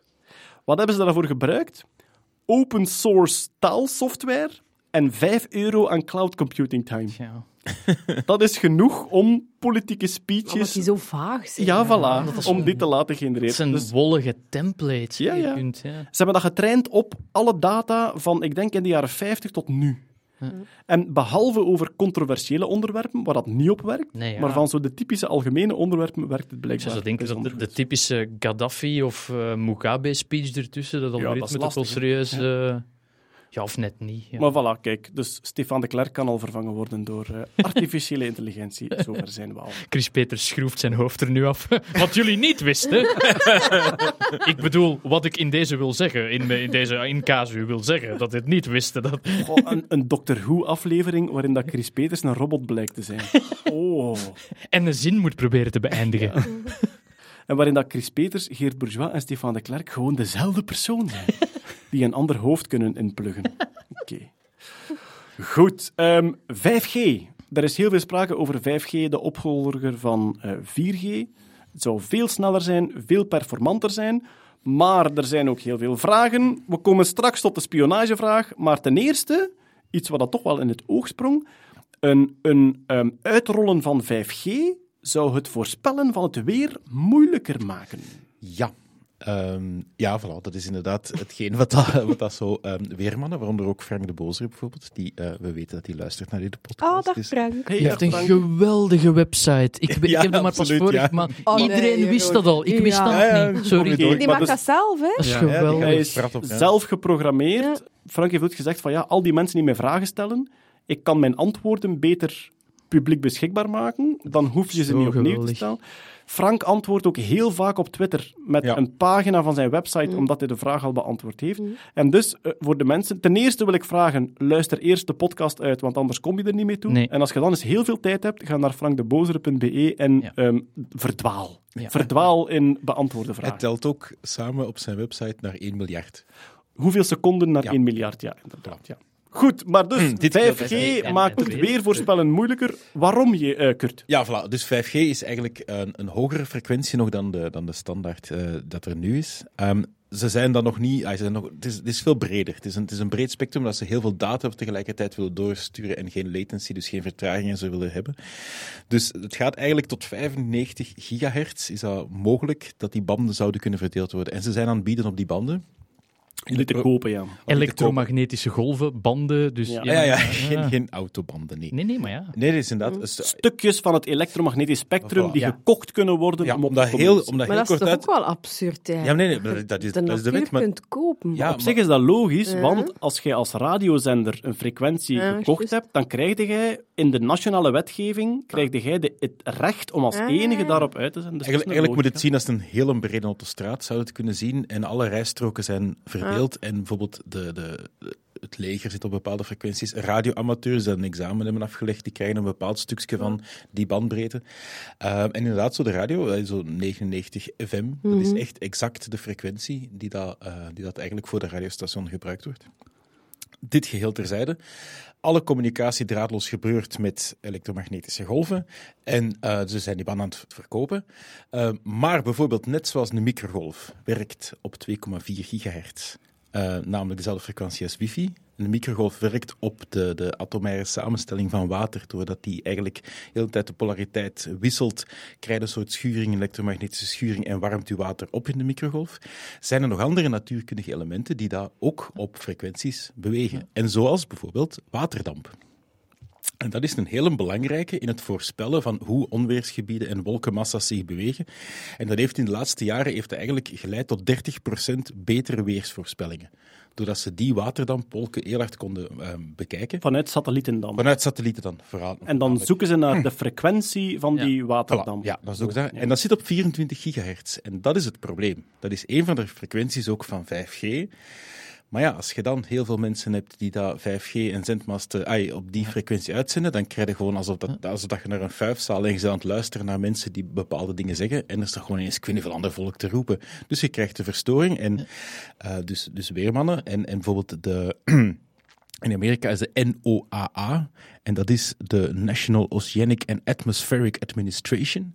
Die zijn aan het vechten om te zeggen van, hé hey mannetjes, doe dat niet op die frequentie, want anders gaan we eigenlijk terug naar... Is dat niet heel simpel om te zeggen van ja, niemand koopt dat stuk uit de straat, Mhm. alsjeblieft? Ja, ze of is zijn- het al verkocht? Het is- is al verkocht, Ja, dat is het probleem. Hmm. In Amerika zijn die, is die een band van 24 gigahertz al verkocht. Eh, en ze zijn nu aan het afspreken om minder sterk op die band uit te zenden. Maar ja, dan hebben we natuurlijk kwaliteits- en snelheidsverlies. Het weerbericht wordt dan echt wel sip. Dat is van morgen gaat het regenen Of of er waren veel mensen aan het bellen. Ja. Dus ofwel heb je een weerbericht, ofwel kun je het op je gsm lezen. Voilà. Dus de, de satellieten die frequenties van waterdamp volgen in de atmosfeer, gaan Ja. verblind worden door Voilà. de zendmasten van de Doordat er heel veel extra ruis is, omdat Ja, ja, inderdaad oké. op diezelfde frequentie daar Je ziet van alles bewegen op die frequentie en je kunt niet meer onderscheiden Ja, wat dat de, bom van Ja, het ja, veld is en ja. wat dat waterdamp is. Voilà.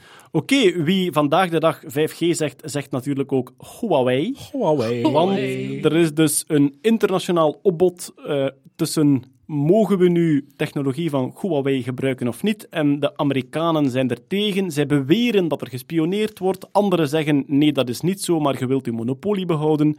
Ja, wat is er nu eigenlijk aan de hand als we het al kunnen weten?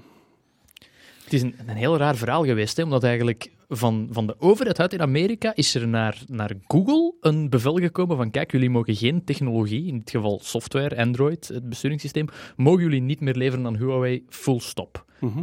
En ja, dat ligt eigenlijk die hele, die hele tak van Huawei plat. Want zonder besturingssysteem, ja, ze hebben wel een soort van backup besturingssysteem dat met haken en ogen aan elkaar hangt.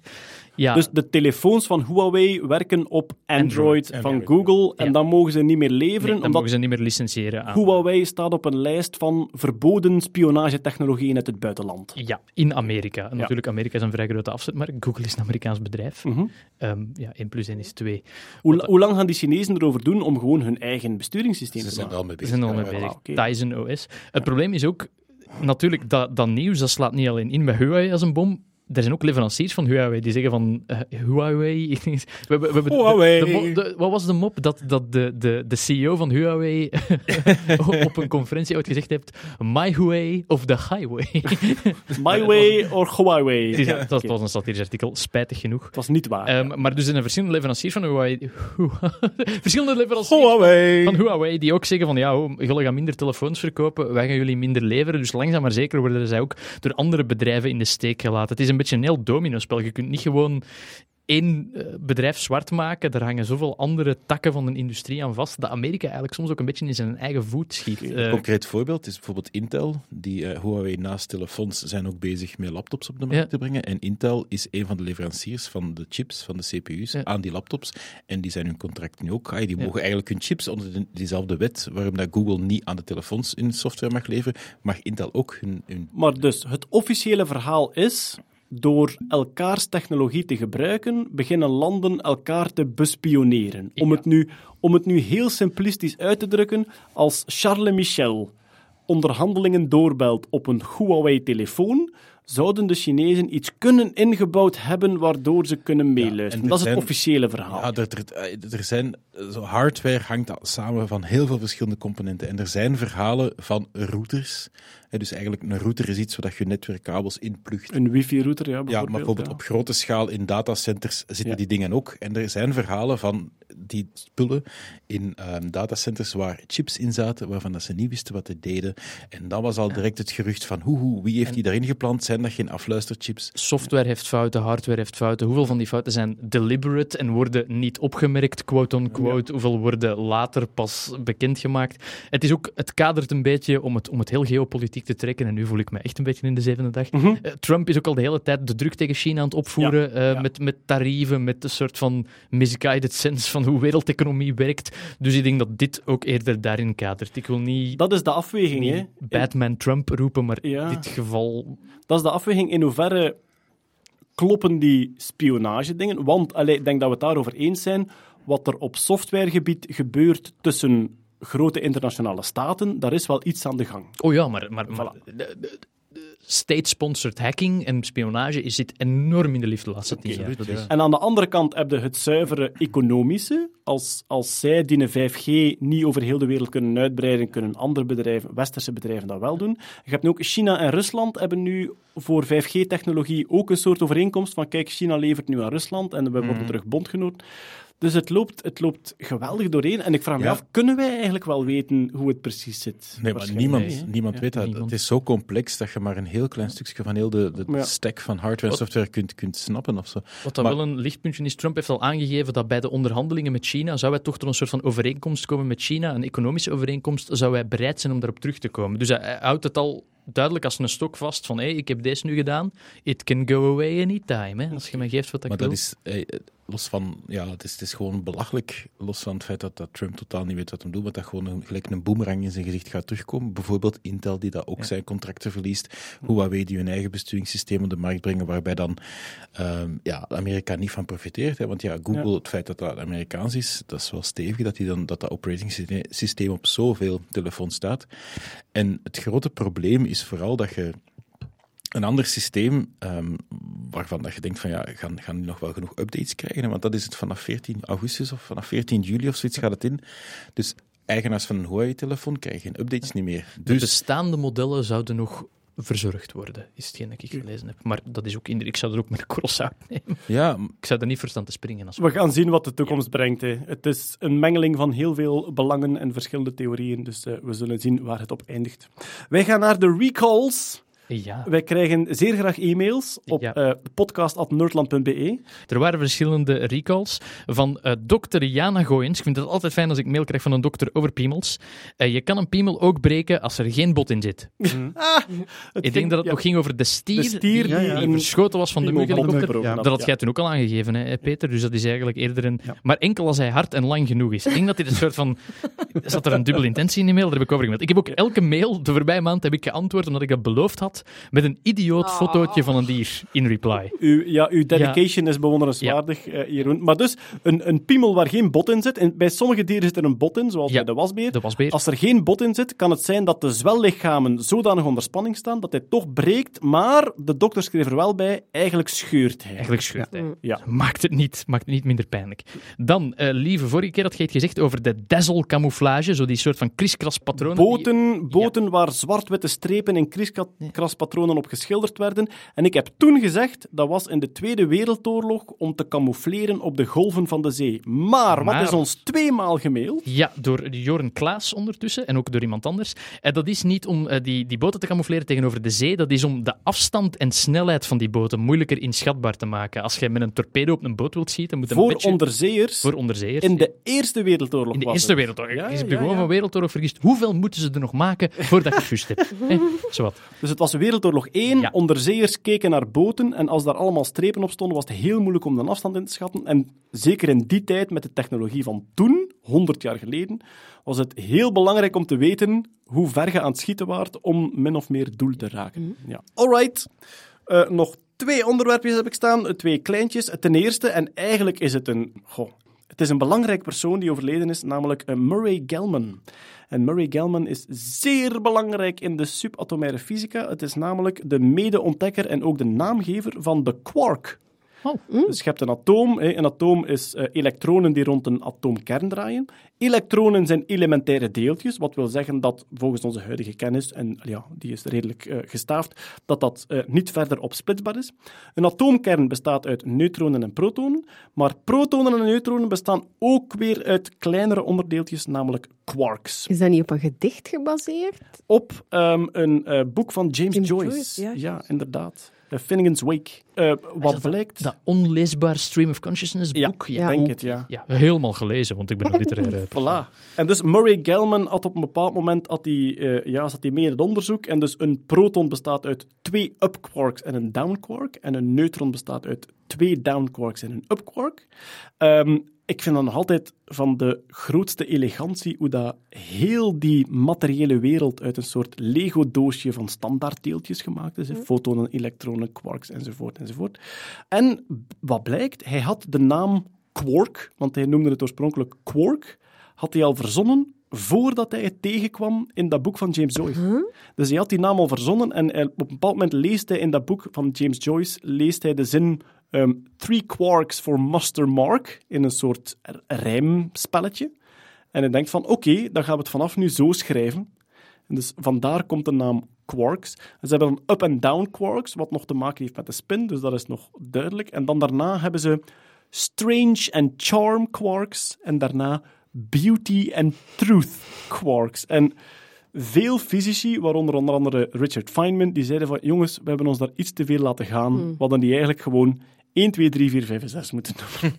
maar dus up en down. En de beauty en de truth quark, die namen zijn aangepast naar top en bottom, wat toch wel iets duidelijker is. Maar toch, er, er bestaan nog bepaalde manieren om die eh, bottom quarks te produceren. En die machines heten nog steeds eh, beauty factories. Omdat daar de vroegere beauty quarks in gemaakt werden. Maar dus Murray Gell-Mann eh, is overleden, een eh, zeer belangrijk persoon in de subatomaire fysica. En dan als afsluiter, eh, er is in Siberië, in Noord-Rusland, is er het hoofd gevonden van een Pleistocene wolf die 40.000 jaar geleden overleden was. En de foto's staan online. En het ziet er echt gewoon uit als een roadkill-kop die je een week na overlijden gevonden hebt. Het is verwonderlijk Ja. hoe goed dat bewaard is. Het brein zat er nog in. Het was geen direwolf, hè? Want, Nee, het was- die zitten in Noord-Amerika, of die zaten in Noord-Amerika. Eh, wel, maar ik heb zelf zitten zoeken. Pleistoceenwolf is geen soort op zich. Er Nee. bestaan verschillende soorten wolven in het Ja, Pleistoceen klopt. en het is één daarvan. Eentje van die soorten, ja. Maar dat zijn gigantische beesten. De kop die ze gevonden hebben is ongeveer de halve lengte van een hedendaagse wolf. Het is wel weer Ik dacht dat hij 25% groter was dan... Ja, het is Ja, echt dat een, zoiets, een stevig beest. Ja. Maar ze hebben dus de hersenen daarvan, die ze ook kunnen onderzoeken hebben enzovoort. Ik neem aan dat ze DNA ook hebben. Ah, ja, waarschijnlijk Kan wel. niet ja, anders. ja. En in dezelfde grot waar die gevonden is, lag er ook een jong van een holenleeuw. En ook dat kunt je, je kunt de foto's ook online bekijken. En dat ziet er echt uit als een leeuwenjongske dat, laat ons zeggen, drie maanden in de woestijn liggen uitdrogen heeft. Dat zit nog volledig in een soort liggende houding. Dat is bijna aandoenlijk om, om zoiets te zien dat 40.000 jaar in die vorm bewaard gebleven is. Ja. En ze hebben geen idee hoe het hoofd eraf is geraakt, hè? want de rest hebben ze niet gevonden. Hè? Het hoofd apart gevonden. ja, ja, ja. Oké, ja. Ja, dat soort Want archeologie. eh, dat, eh, mensen waren het niet geweest, want daar was het te vroeg voor. Hè? Mensen waren op dat moment nog niet aanwezig in, in die Hmm. streek. Dus ik- 40.000 jaar was, was net de Homo sapiens die naar Europa kwam, denk ik. Ja. Maar de Neandertaler was Ja. hier al, denk ik. Ja, maar Ik niet, nee, niet in die streek. Ah. Dus de kans dat ze een emmer vissen vinden. relatief laag. Goed, ik denk dat we kunnen afsluiten. Ik dank iedereen die tot hier geluisterd heeft. En ik dank natuurlijk Peter Berks, Met veel plezier. Kurt Beheid, Yes. Jeroen Baert Sorry iedereen. en Hetty plezier. Tot de volgende keer. Dag. Dag. Dag.